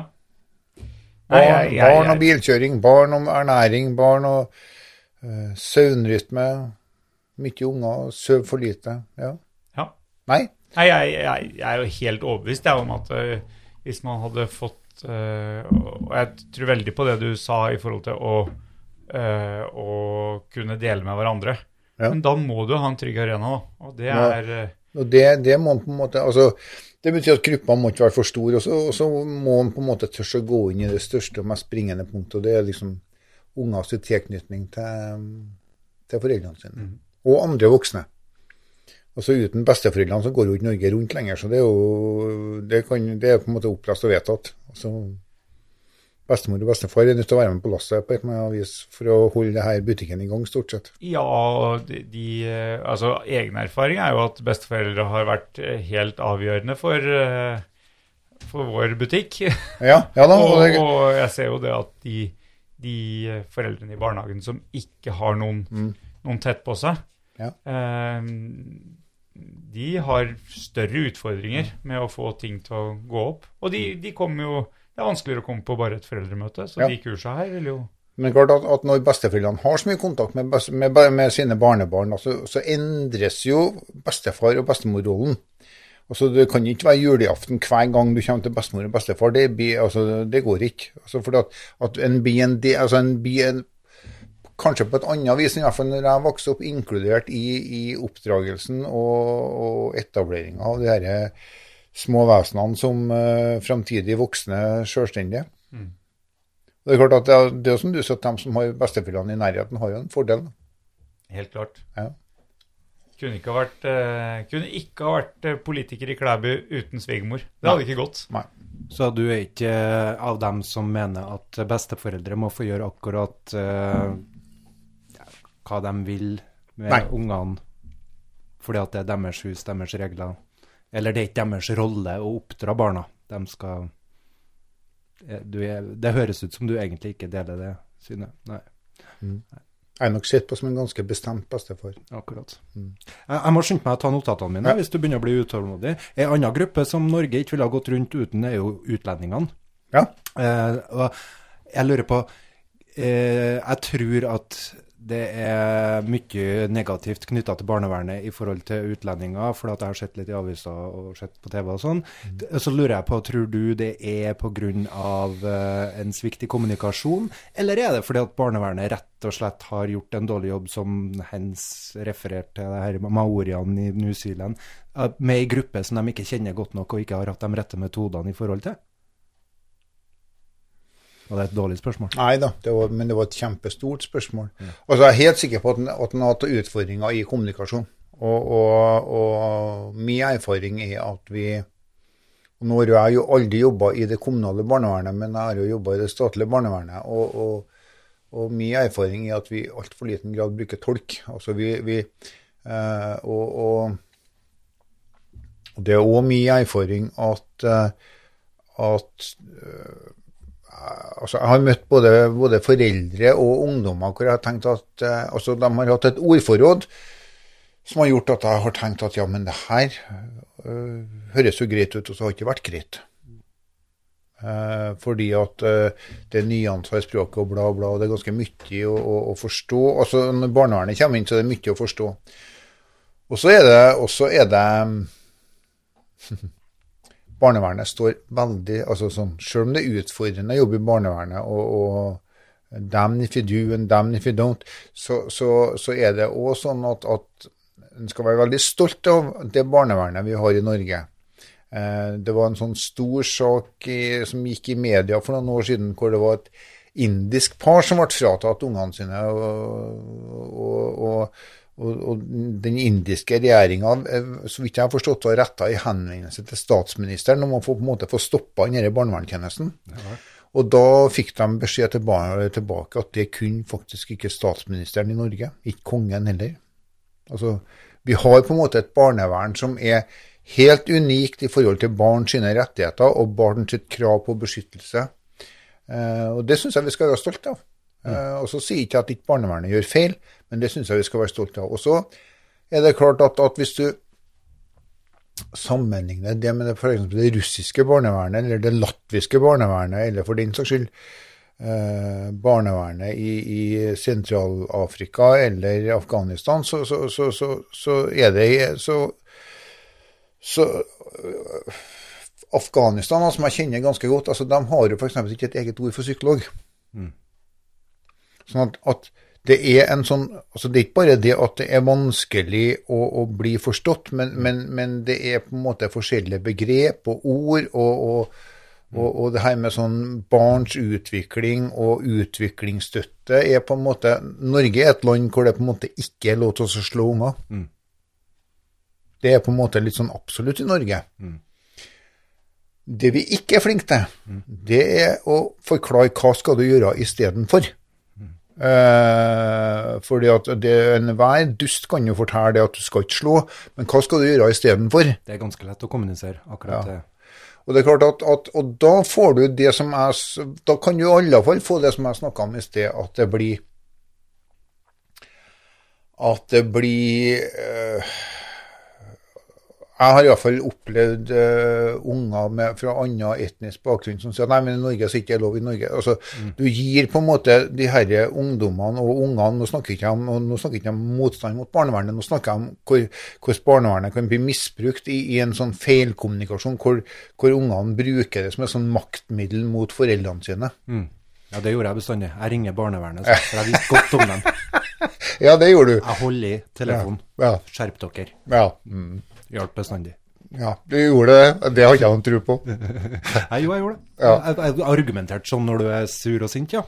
Jeg tror at du var ganske god til å argumentere, istedenfor. for det, det syns jeg å huske på. Men uh, jeg tror til og med at jeg og du hadde en liten sånn hvor jeg sa at ja, men sånn blir det ikke, vet du. Sånn at uh, på en annen leirskole oppe i opp, opp, Oppdal, så, så tror jeg jeg måtte si da at nei, men sånn blir det ikke. Så det, men så tilbake til sånn, sånn Det er klart at, at i Øst-Europa så har det blitt eh, Så har det jo i perioder tatt helt av. Eh, og det er klart Nei, altså den motstanden Motstand mot, mot- mot ja. norsk barnevern, den har blitt sånn De lager dokumentarfilmer. Det er nesten konspirasjonsteorier. det blir, Ja, og så er det klart at det blir, ja, det blir sånn konspirasjonsteoretisk også. Samtidig så er det en helt annen kultur som ikke har et sånt barnevern som vi har. sånn at Det er ikke noe vanskelig å forstå at det her blir seende rart ut heller. Og det er klart at når du tar opp dette altså Noe av det verste barnevernet gjør, er jo akuttplasseringer som på en måte må skje eventuelt med, med bruk av makt, og det ser aldri vakkert ut. Det vil ikke kunne bli vakkert. Nei. Det blir aldri vakkert, og må unngås for enhver pris. Hvis det er mulig å unngå det, heller bruk ti, to døgn, tre døgn, fire døgn. Men noen ganger så er det ingen vei utenom. Og, da, da, og det er klart at når dette blir filma og lagt ut på sosiale medier, så ser det ikke vakkert ut. Altså. Det, det, kanskje med bruk av politi, og det er klart at det der er vanskelig å forstå, vanskelig å forklare. Og i tillegg så er det jo sånn at det skjer jo kanskje ikke i den grad i Russland. Altså Norsk barnevern hadde jo en periode norske barnevernsarbeidere i Spania, fordi at, at eh, når, når Ola og Kari gikk på fylla, så, så var de på en måte kanskje innafor en sånn spansk toleranse, men langt utafor en norsk toleranse for grad av alko alkoholpåvirkning. sånn at det var jo norske barnevernsarbeidere en stund i Spania fordi at Ja. Sånn at og det er mulig at det er fortsatt. Eh, sånn at det er jo fordi at Per og Kari tror jo kanskje at, at eh, en del ting opphever Altså, det er noe med kulturer og hvordan du forstår, og det er klart at der er det vanskelig å forstå Norge utenfra. Altså, fordi at her har vi et barnevern som faktisk statsministeren ikke kan overprøve. Ikke kongen engang. Dere er mektige. Og da vil folk føle seg urettferdig behandla Ja. og krenka noen Ja, ganger. ja. For de har ikke det bildet som dere har. Dere prøver å overse ganske mye Ja. og sette ungen i fokus. ja da. Men uh, Også, Norsk barnevernslovgivning hviler 100% på barnets beste. Altså Det står på en måte i formålsparagrafen altså alle beslutninger skal tas til barnets beste. Så er det er nå det en ganske vanskelig eh, formålsparagraf å leve opp til 100% for du skal jobbe ganske knallhardt for å få til det. ikke sant? Da skal du ha superfosterhjem, superbarnevernsinstitusjoner. Men det vi i alle fall må være sikre på, er at når vi, når vi går inn, så må, må det bli til det bedre for ungene. I hvert fall ikke til det verre. Det er klart at eh, og, og noen ganger så, så blir det nødvendigvis ikke til det bedre, for at det, det og det kan være barnevernet sin feil, og det kan rote seg til med mye konflikter og bla, bla. Og alt det her begynner altså Nå når det her i stor grad òg blir delt på sosiale medier, så er det, så er det en ganske vanskelig størrelse å jobbe med. Da ser det stygt ut. Men Ja. sosiale medier eh, gir jo en åpenhet, og der er det vel kanskje en av eh, hemskoene til barnevernet, at ting er så lukka. Ja. Eh, og så får de færreste har noe særlig kontakt med det før du er Det er liksom ikke Vi snakker om det i, i, ja, i barnehagen eller andre steder, at vi må bygge relasjoner og sånn i fredstid. Ja. Men det er ikke noe særlig tida for det i barnevernet. Eh, for da Jo, jo det- altså det, det? det, det er på en måte hovedinnretninga. Det er faktisk at en jobber langsiktig. Jo, jo, men, men, ja, men langsiktig. Men hvis, de, hvis nå barnevernet skulle komme i inngrep med meg, da, og min familie, så, så hadde jeg blitt ganske overraska nå, kjenner jeg. Eh, hvis det plutselig hadde skjedd. Eh, men, da, altså, men, men utgangspunktet vil da være at en jobber Altså, det er på en måte hoved... Altså, du skal Barnevernloven må bygge opp til det at du skal bruke minste inngripens prinsipp hele veien. Men det er klart at hvis, hvis barnevern, altså hvis barnevernvakta i Trondheim blir sendt oppover til Klæbu, og de ringer på, og det, de ser et pågående overgrep, så må de faktisk si at eh, vi tar med ungen, og snart kommer politiet. ja. Jeg har ikke noe lyst til at det skulle skje kjent, jeg. Nei. Nei. Sånn at, at det er et eller annet altså Bare for å så, sånn det er eh, Eller unger som på en måte hvor du ser at de har vært utsatt for ganske massivt med vold. og det er klart at Noen av de sakene er dessverre ganske stygge. Og da, da kommer det herre- da kommer blålysbarnevernet. Men det er unntaket. Det er definitivt unntaket. Har du, eh, ja. Øystein spurte om eh, noe TV i stad, jeg spør om noe annet. Eh, har du sett Nor Norge bak fasaden av barnevernet? Det var en eh, Jeg så litt av det har vi på TV 2. Ja, Det var jo veldig bra laga. ja det syns jeg òg. Ja. Eh, Jeg syns jo det var både balansert og, og, og, og Der så du jo på en måte, hvis du, vi snakker om, så jeg vet sikkert vi har sett samme program, men der så du jo det her eh, Ei som hadde vært i fylkesnemnda, men Ja. sagt det var første gangen hun hadde vært i fylkesnemnda. Og, det er klart at, at jeg, var, jeg, var så, jeg satt og var så spent, fordi at altså for, for en ny saksbehandler, så det å gå i fylkesnemnda altså Det blir jo òg en sånn altså, å, å vinne. Altså vinne saken. Yes, liksom. Ja. Men heldigvis, Ja. hun hadde ikke den. Jeg satt og venta på akkurat det samme, Ja. fordi hun skulle jo, bare for å beskrive hva som skjedde, hun kom inn til lederen sin Mm. og skulle få vite, eh, det var noen dager etterpå, hvordan det hadde gått, altså hvilken avgjørelse som var truffet. Mm. Og så tenkte jeg, hun må ikke juble nå. Nei, og så gjorde ikke det. Hun gjorde ikke det. Hun, hun var fatta og, og tok alvoret innover seg. Ja. Tvert imot så gikk hun og ringte på de foreldrene Ja. og snakka med dem. Spurte Og- og- hvordan går det med dere ja, nå. Ja. Ja. Og så tenkte jeg så bra. Ja. Fordi at vi hadde ikke For mange, en god del år siden så hadde jeg noe undervisning på både vernepleierskolen og barnevernslinja, og så Jeg slutta med det etter at det ble 90 stykker i klassen, for at, at eh, da syns jeg på en måte at Altså, jeg er litt avhengig av at å få litt, altså, litt sånn diskusjoner og spørsmål, sånn som jeg får med dere nå. altså At vi snakker sammen, og, og når det blir 90 i salen, så er det de aller mest eh, språkmektige som tør å åpne nebbet og si noe. Du ville ikke likt ikke jeg. Nei, nei, nei. Og så, og så husker jeg på I og med at jeg har jobba i det her såkalte akuttbarnevernet, da. Ja. Eh, så, eller det, for det, det er på en måte akuttbarnevernet, det. Eh, Så er det, så, så lurte jeg på om de hadde hatt noe på, i løpet av utdanninga i forhold til sånn foreldrene sine reaksjoner etter altså For det blir jo faktisk tomt i huset. Ja. Bokstavelig talt. Ja. Eh, og, og på det tidspunktet så var ikke det. Så vi, så vi brukte en sånn, og, og, og da, da, kjente jeg, da kjente jeg så ekstremt på denne begrensninga med 90 studenter, og, og, og, og liksom sånn fordi at når du tar inn over deg følelsen altså er opptatt, altså, Som jeg sa i sted, alle sammen kan bli psykisk syke. Eh, alle sammen eh, altså de, Det er ikke sånn at alle sammen kan oppleve at barnevernet kommer og tar fra dem ungene, men alle sammen kan komme i en situasjon hvor de opplever at de må ha hjelp fra barnevernet. Mm. Og, og, og fordi at, at barnevernet er i utgangspunktet en sånn Jeg husker en, en far For det kan jeg på en måte si uten å bryte noe taushetsplikt, for jeg har møtt så mange at det er ingen som skjønner hvem jeg snakker om navn. Eh, men han, eh, sønnen hans hadde utvikla et ganske stort rusproblem. Han, eh, faren her, han, han og kona bodde ikke sammen lenger, og de hadde litt sånn Altså, det var litt sånn til og fra, og, og i det vakuumet mellom til og fra, så utvikla denne gutten rusproblemer. Og det så de ikke før, før det hadde blitt ganske alvorlig. Og han sa det, at altså, herre så jeg rett og altså, Jeg skjønte ikke, jeg forsto det ikke. Jeg hadde ikke kunnskapen. Jeg så ikke Jeg så ikke Jeg så ikke, jeg så ikke at han var rusa. Og det, det kan faktisk altså sånn Lik det eller ikke, men det kan skje alle foreldre at, at barnet ditt utvikler rusutfordringer. Eh, nå skal vi jo inn i en sånn rusreform, og jeg er jo veldig spent på hvordan den detter ut i forhold til denne uh, gruppa eh, og, eller sånn, i forhold til ungdom generelt, for det kan oppfattes som en form for legalisering, at det er ikke så farlig. Så, så, så det, det er jeg spent på, altså, skal ikke jeg si. Men, men, men det å jeg tenker Hvis du skal være en hjelper, så må du i alle fall ha så mye skamvett at du klarer å innse det at jeg kan også komme i den rollen at jeg trenger hjelpa sjøl.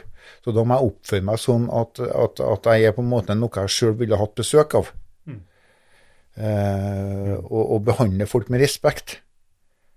Og det, og, det, og det gjelder også foreldre til barnevernsbarn. Du, de må, øh, om det så er sånn at du ikke har klart å være den optimale foreldre, så må du på en måte få lov til å være det ut ifra de forutsetningene du har. Så lenge det ikke går på altså Hvis det ikke er så galt at det går på bekostning av, av, av ungen. Og det er klart at Jeg sa det i sted. vi kan jo, altså sånn, Det viktigste er at vi klarer å få til et slags form for samarbeid, for det er det, den, det aller, aller beste utgangspunktet. Og de fosterforeldrene som har et forhold til hvor de kan slå på tråden ganske hyppig og si at nå har han vært på skolen, og nå har ditten og det og sånn, så ja. Mm. Så det Hadde du noen flere spørsmål, eller skal vi begynne å gå inn for landing? Nei, jeg har faktisk noen flere spørsmål.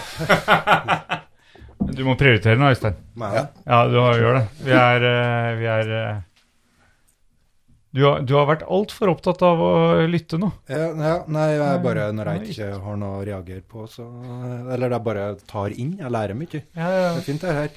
No. Eh, ja, det, vi tok jo det her med språk og uh, Ja. utenlandske eller folk med dårlig norsk. jeg, jeg må bare si jeg tenker det bruk tolk mye mer. Ja, ja. Jeg, som språklærer så vet jeg at til og med om de har aldri så høyt eh, nivå, sånn akademisk nivå, nærmest på norsken sin, så oppstår det misforståelser kjempelett. ja. I hvert fall når du må nyansere, og du må jo helst nyansere når du skal være litt varsom omkring følelser. Altså Når du skal begynne å bruke ord for følelser, Mm. da, da begynner tvert ting å bli vanskelig, fordi at eh, Det var en som fortalte meg at det samiske språket har eh, er det 36 ulike ord for ulik form for snø. mm, ja. Ja. Altså som, som beskriver på en måte hvordan både Og det er klart at, at vi har noen ord for følelser, og så er det eh, sånn at, at dere der kompliserer det kraftig. Ja. Uten tvil. Men da må en, tenker jeg, være eh, på vakt for at eh, det å kalle inn tolk vil være eh, nesten å trampe noen på tærne. For de er stolt over at de har nådd et norsk nivå så de klarer seg sjøl, uten hjelp. Så kanskje en må ha litt varsomhet for det òg. Og så må han passe på så ikke han gjør som meg og bestiller gærlig tolk. Eh, altså sånn eh, Ja. Det, det var liksom Feil sånn- språk? Ja, for, for altså, Arabisk, farsi og det her altså det, Og så er det sånn Nå har jeg i ettertid for, fått forståelsen av at altså, noe av det her er som svensk og norsk, så vil de, så forstår de. Ja. Men, eh, men uh, uansett så opplevde jeg vel en gang at jeg hadde bestilt gærlig tolk. ja. Mm. Så vi måtte på en måte sende hjem han som kom, og så få tak i han igjen. Men det er klart at, at Arabisk er ikke arabisk. Det er mye forskjellig. Ja, ja. Men det som, det, det som er I tillegg så er det vanskelig å være tolk, ikke sant. Fordi Ja, at, at uh, uh, Jeg har jo opplevd at tolkene har kjent vedkommende ganske godt. Og jeg har jo opplevd at tolkene kanskje har vært redd vedkommende. Så, sånn at eh, når jeg har sagt ting som jeg tenkte at nå blir det sikkert en reaksjon, så har det ikke blitt noen reaksjon. Og er jeg blitt litt sånn eh, Ja, nei, det ble jo avslørt at eritreiske myndigheter hadde spioner i ja, tolketjenesten. ja, ja. Så, så Det er ikke uten Nei. grunn. Men nei, så det er jeg enig i. Tolk, er- tolk er bra. Tolk er bra. Eh, ja, det har jeg lurt på. Det er en sånn kausalitet i altså årsak-virkningsopplegg Ja, ja. i det her at vi Du Du har liksom tatt meg på alle fremmedord, så tenkte jeg nå, skal, nå er jeg spent. Ja, kausaliteten, ja. ja. I at hvis du har uh, opplevd en slags uh, oppdragelse av foreldrene dine, så er du disponert til å utøve den samme typen oppdragelse sjøl. Om du putter litt eh, garnityr oppå, som du sa, eh, Mm. pedagogikk og sånn, så er det i hvert fall den ryggmargsrefleksen som kommer fram når du er pressa. Ja. Men du har jo òg en forklaring der da på hvorfor folk uh, gjør som de gjør når de gjør galt, for at de har opplevd noe galt. Altså det som ikke er bra for unger. Mm. Men den modellen å forklare ting på kan jo òg fungere som en sånn her eh, spådom. Altså det kan nesten være litt tyngende deterministisk, altså noe som det vil komme til å skje at du òg blir en Ja. dårlig far. Hvordan eh, eh, behandler du, eller hva snakker du med folk som opplever den den tyngden der. Jeg kan jo ikke bli pappa, Jonas, du vet jo hva helvete jeg hadde, eller jeg er mamma, eller skjø- Skjønner, Har du opplevd det noen gang? At folk har den Jeg har opplevd at folk har sagt at jeg får det ikke, altså jeg, jeg får det ikke til fordi at Det har jeg opplevd. Men jeg har jo aldri opplevd at folk liksom før de har satt barn til verden har kommet og spurt om jeg kan jo aldri, men, okay. men jeg har på en måte opplevd det at folk liksom har sagt at altså devaluert seg sjøl, det her får jeg rett og slett. Og så, og så, ja. Men da øh, har jo Pål øh, løsninga. Han skal jo starte en sånn foreldreskole, og det, har jo, det har jeg faktisk klokketro på, gitt òg at du hadde Jeg vet ikke om det eksisterer, men det, det var noe som het for Homestart en stund.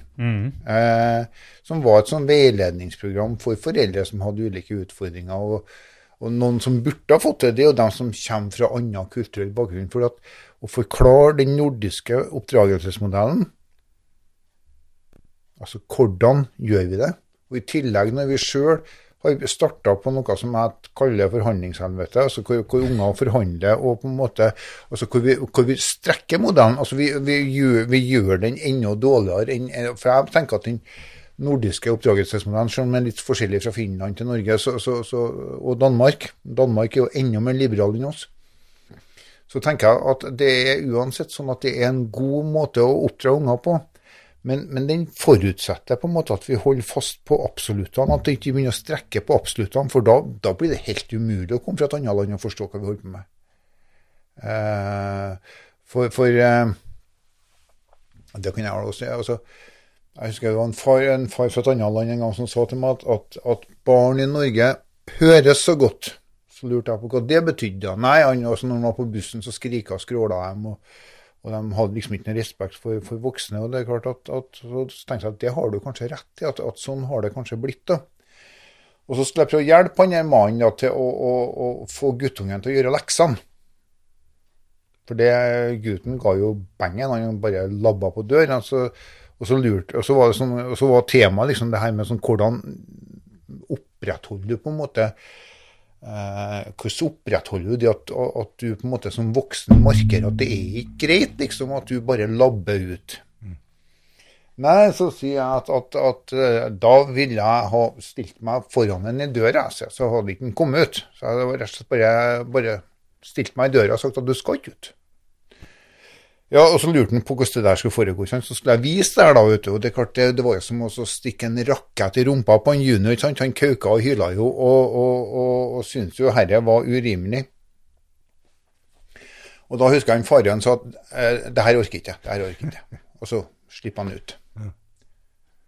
Så tenkte jeg ja, men altså, det er, på, det, det er et eksempel på den norske oppdragelsesmåten, da. Altså hvordan du kan få en unge som på en måte ikke som nekter å forholde seg til det du sier.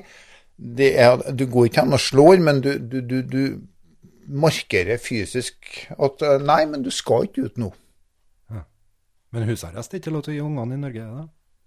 Jeg tror det brukes husarrest. Husarrest er noe jeg er veldig spent på hva unger lærer av. da.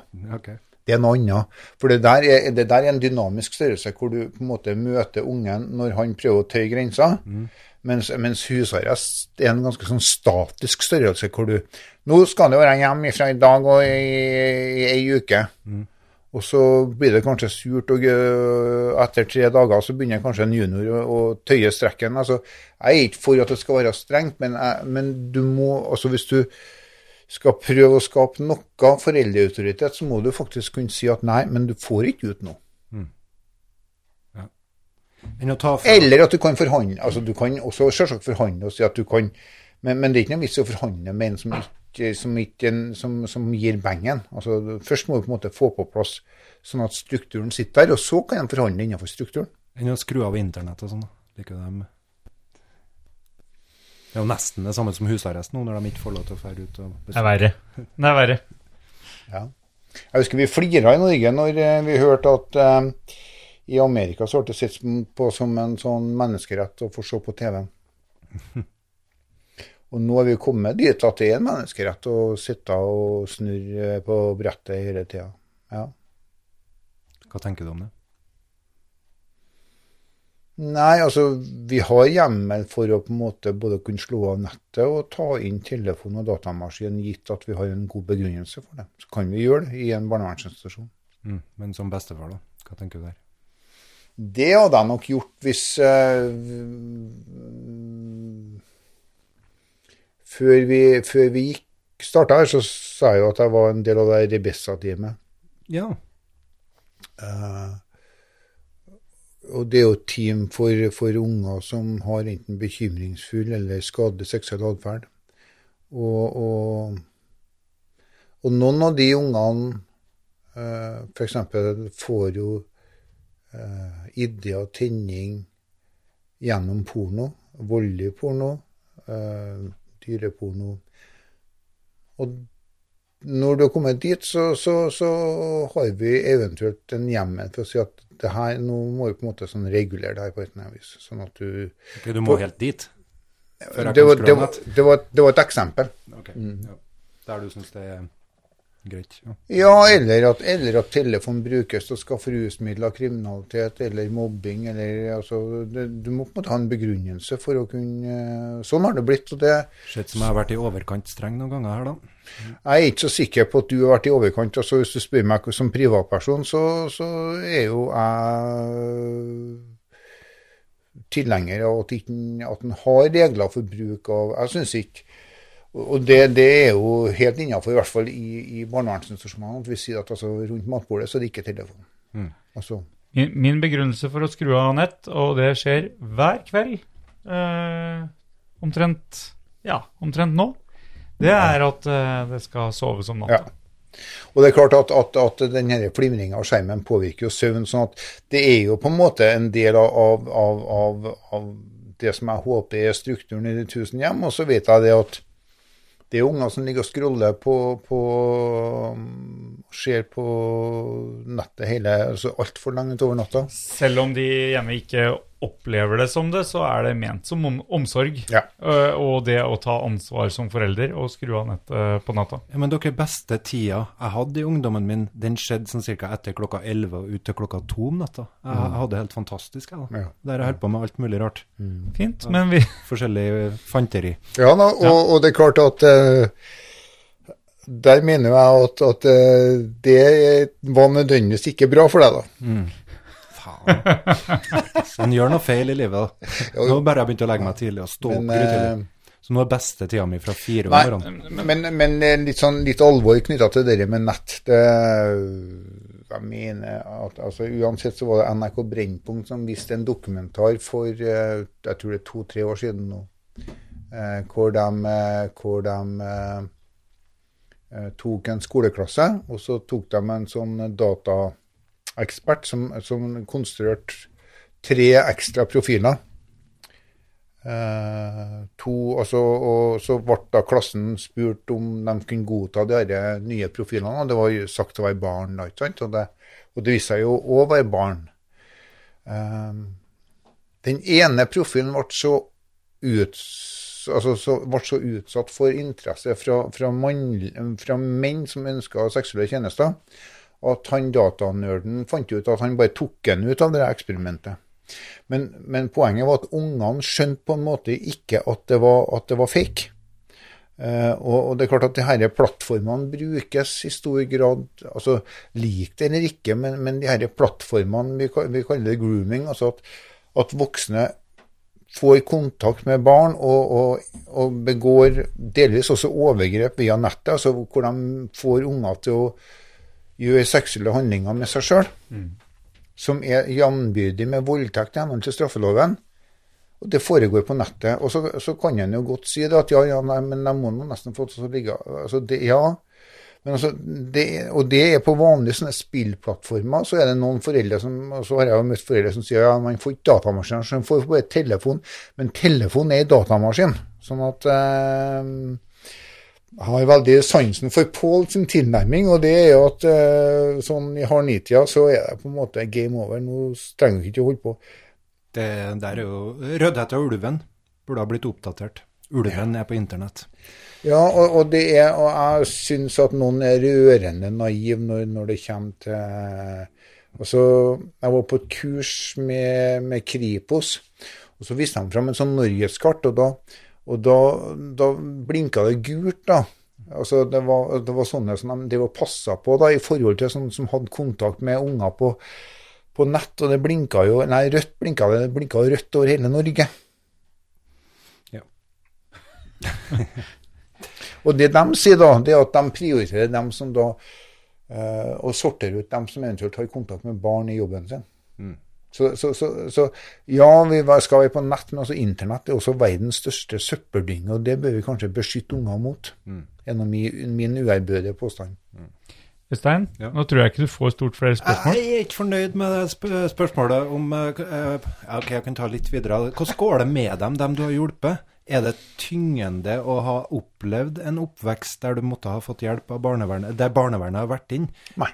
Nei? Går det Altså bra? De aller aller fleste tror jeg, som jeg møter, jeg sa det jo tidligere, går det bra med. Og så er det noen det ikke går fullt så bra med, eller noen det ikke går bra med. Men, men jeg møter veldig mange som er både takknemlige og fornøyd når de har fått det på avstand, så, så, så går det veldig, veldig bra. det. Så bra. Det er litt som eh, Nei, det var en dårlig sammenligning. Vi dropper den.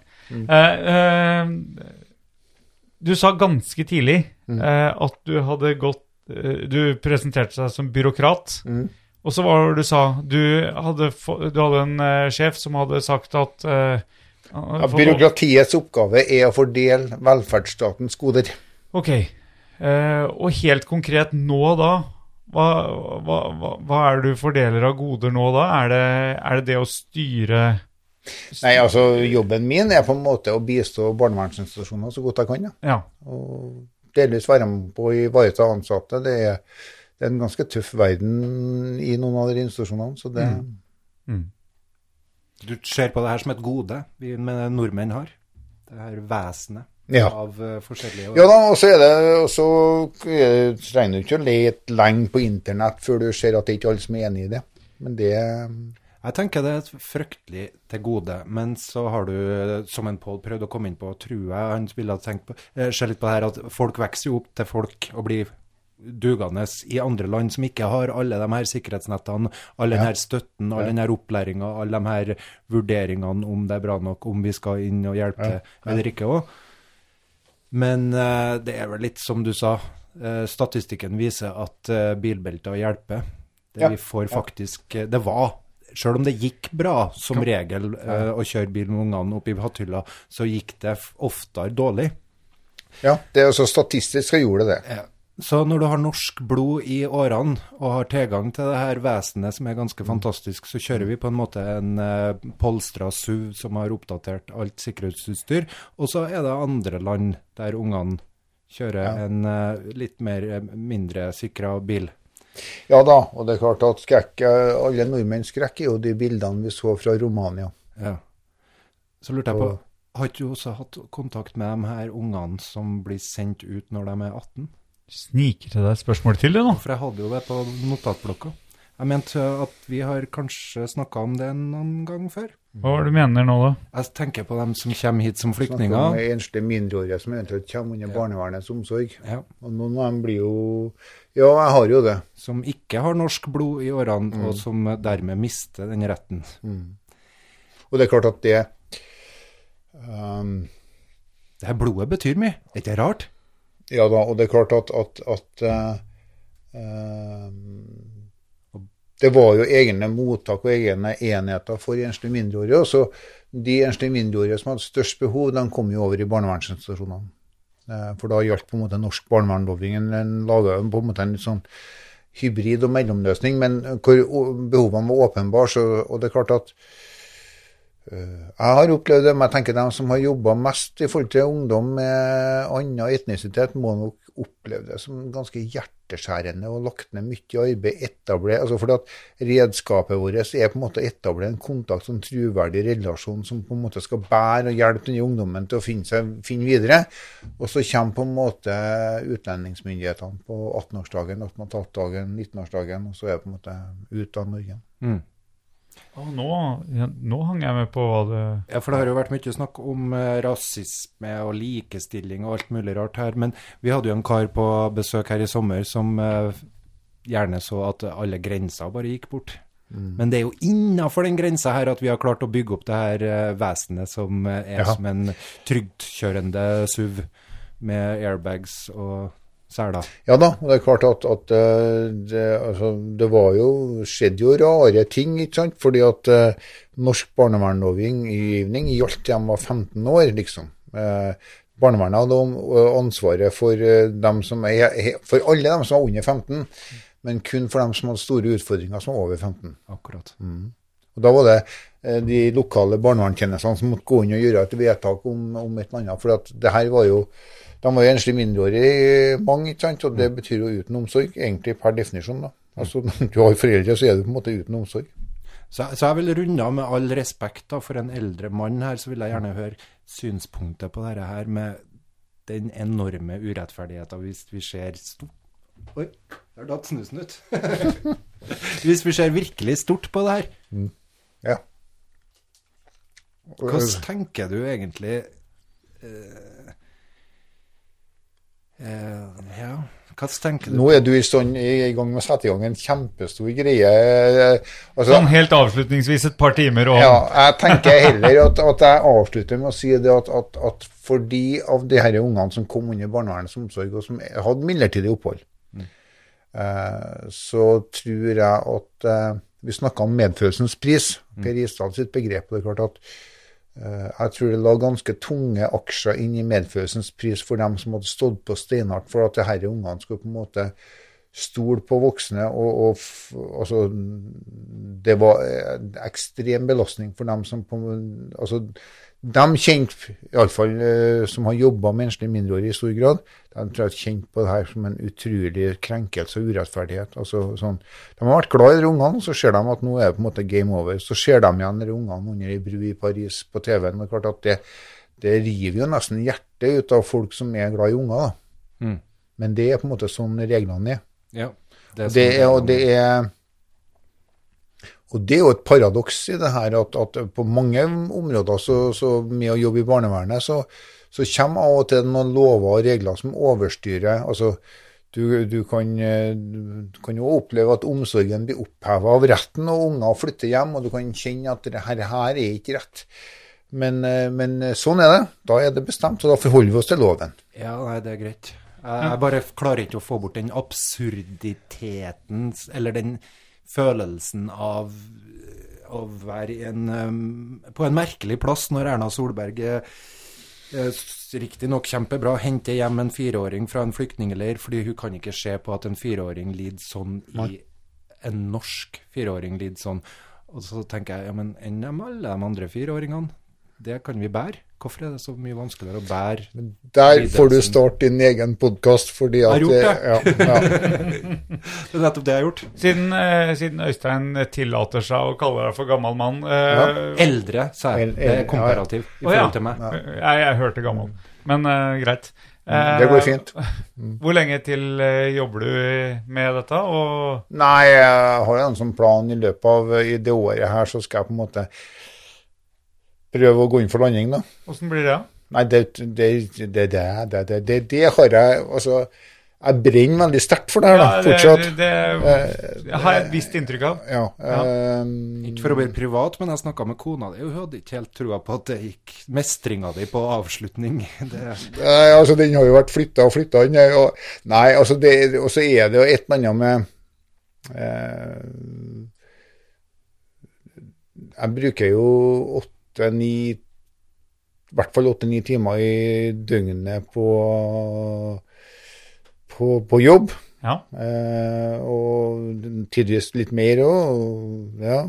Og tenke jobb, og tenke sånn, hvordan kunne vi gjort det, og hvordan og føler jo fortsatt at det er mye som sviver rundt i skolten på meg som vi kunne ha jobba videre med. da. Mm. Det får jeg jo en del støtte på fra kollegaer òg, at det, er- en del av de ideene vi burde ha jobba videre på. ja. Men eh, nei da, det er klart. Men det er jo en, Samtidig, ja. det er jo en jobb eh, som eh, det, det ligger mye Det ligger mye deg sjøl i den jobben her. Ja da. ja da. Uten å, uten å rakke ned på noen andre jobber som bare eventuelt flytter papir eller pakker pakker eller Mm. Ja. Mm. det, er, det må gjøres, det òg. Men, men du har lagt igjen ganske mye av deg sjøl i det her. Ja da. Klart, altså, du, har, altså, du, du overlever ikke det her hvis ikke du legger igjen mye av deg sjøl og, og, og, og altså, sånn Kjenner på fortvilelse. For, altså, jeg husker når jeg var instruksjonsleder, så kjente jeg på fortvilelsen når eh, ungdommer gjorde ting. De altså, stakk av og stjal biler og, og, og, og var redd for dem, oppriktig fortvilt, sint, oppgitt. Eh, og det er klart at, at, at alt det her er jo på en måte noe du har investert i. det da. Og, du har vært med på å gå konk en gang også? ja, det har vært med på å gå, gå konk. Det unner jeg ingen. Eh, Konk som privat barnevernsinstitusjon. mm. Hadde dere brukt for mye penger på lørdagsgodt? Nei. Hadde ikke det. Vi hadde rett og slett brukt for mye. Det var, det, altså, det var jo tidlig der, og det her Vi prøvde jo på en måte å etablere ja, etablere noe som, som Ja, here we go. Som, som langt på vei var Etablere sannheten om at avslutning, det er ingen av oss som er gode på.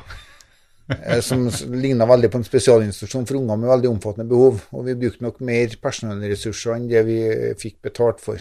Så jeg har aldri vært noen økonom. Jeg vandrer rundt egentlig som en økonomisk katastrofe. Så det, sånn sett så eh, økonom er jeg nok ikke. Du slår ut på atferd her, føler jeg. Var ikke atferd, omsorg? Du vandrer vagabond økonomisk.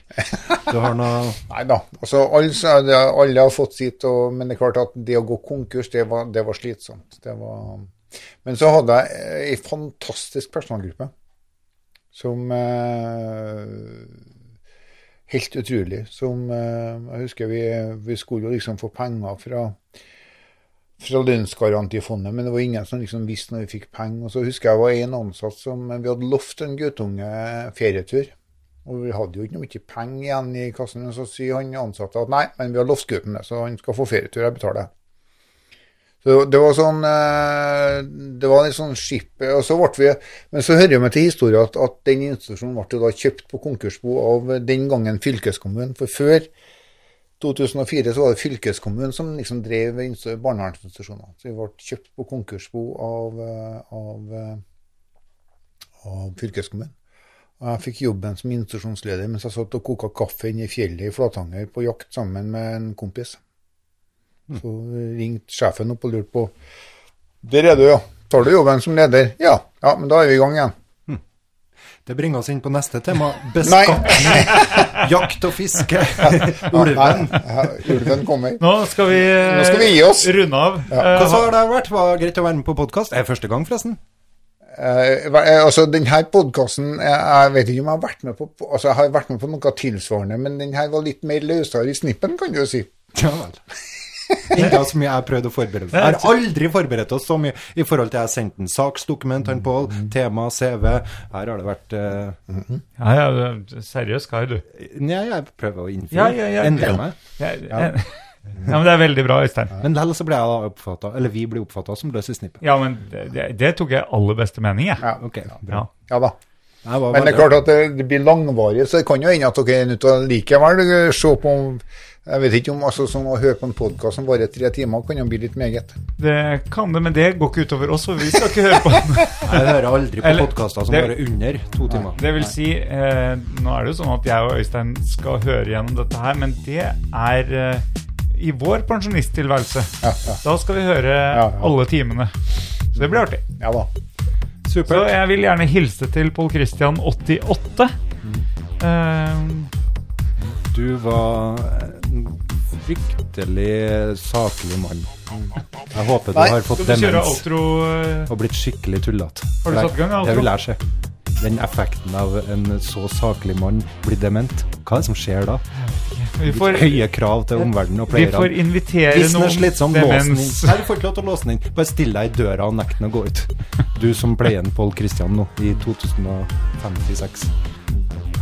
Hva, er du fortsatt på opptak nå. Sorry. Vi avslutter. Vi avslutter. Tusen takk for at du kom, komme, ja, Jonas. ja, ja. Ha det bra. Ha det er det.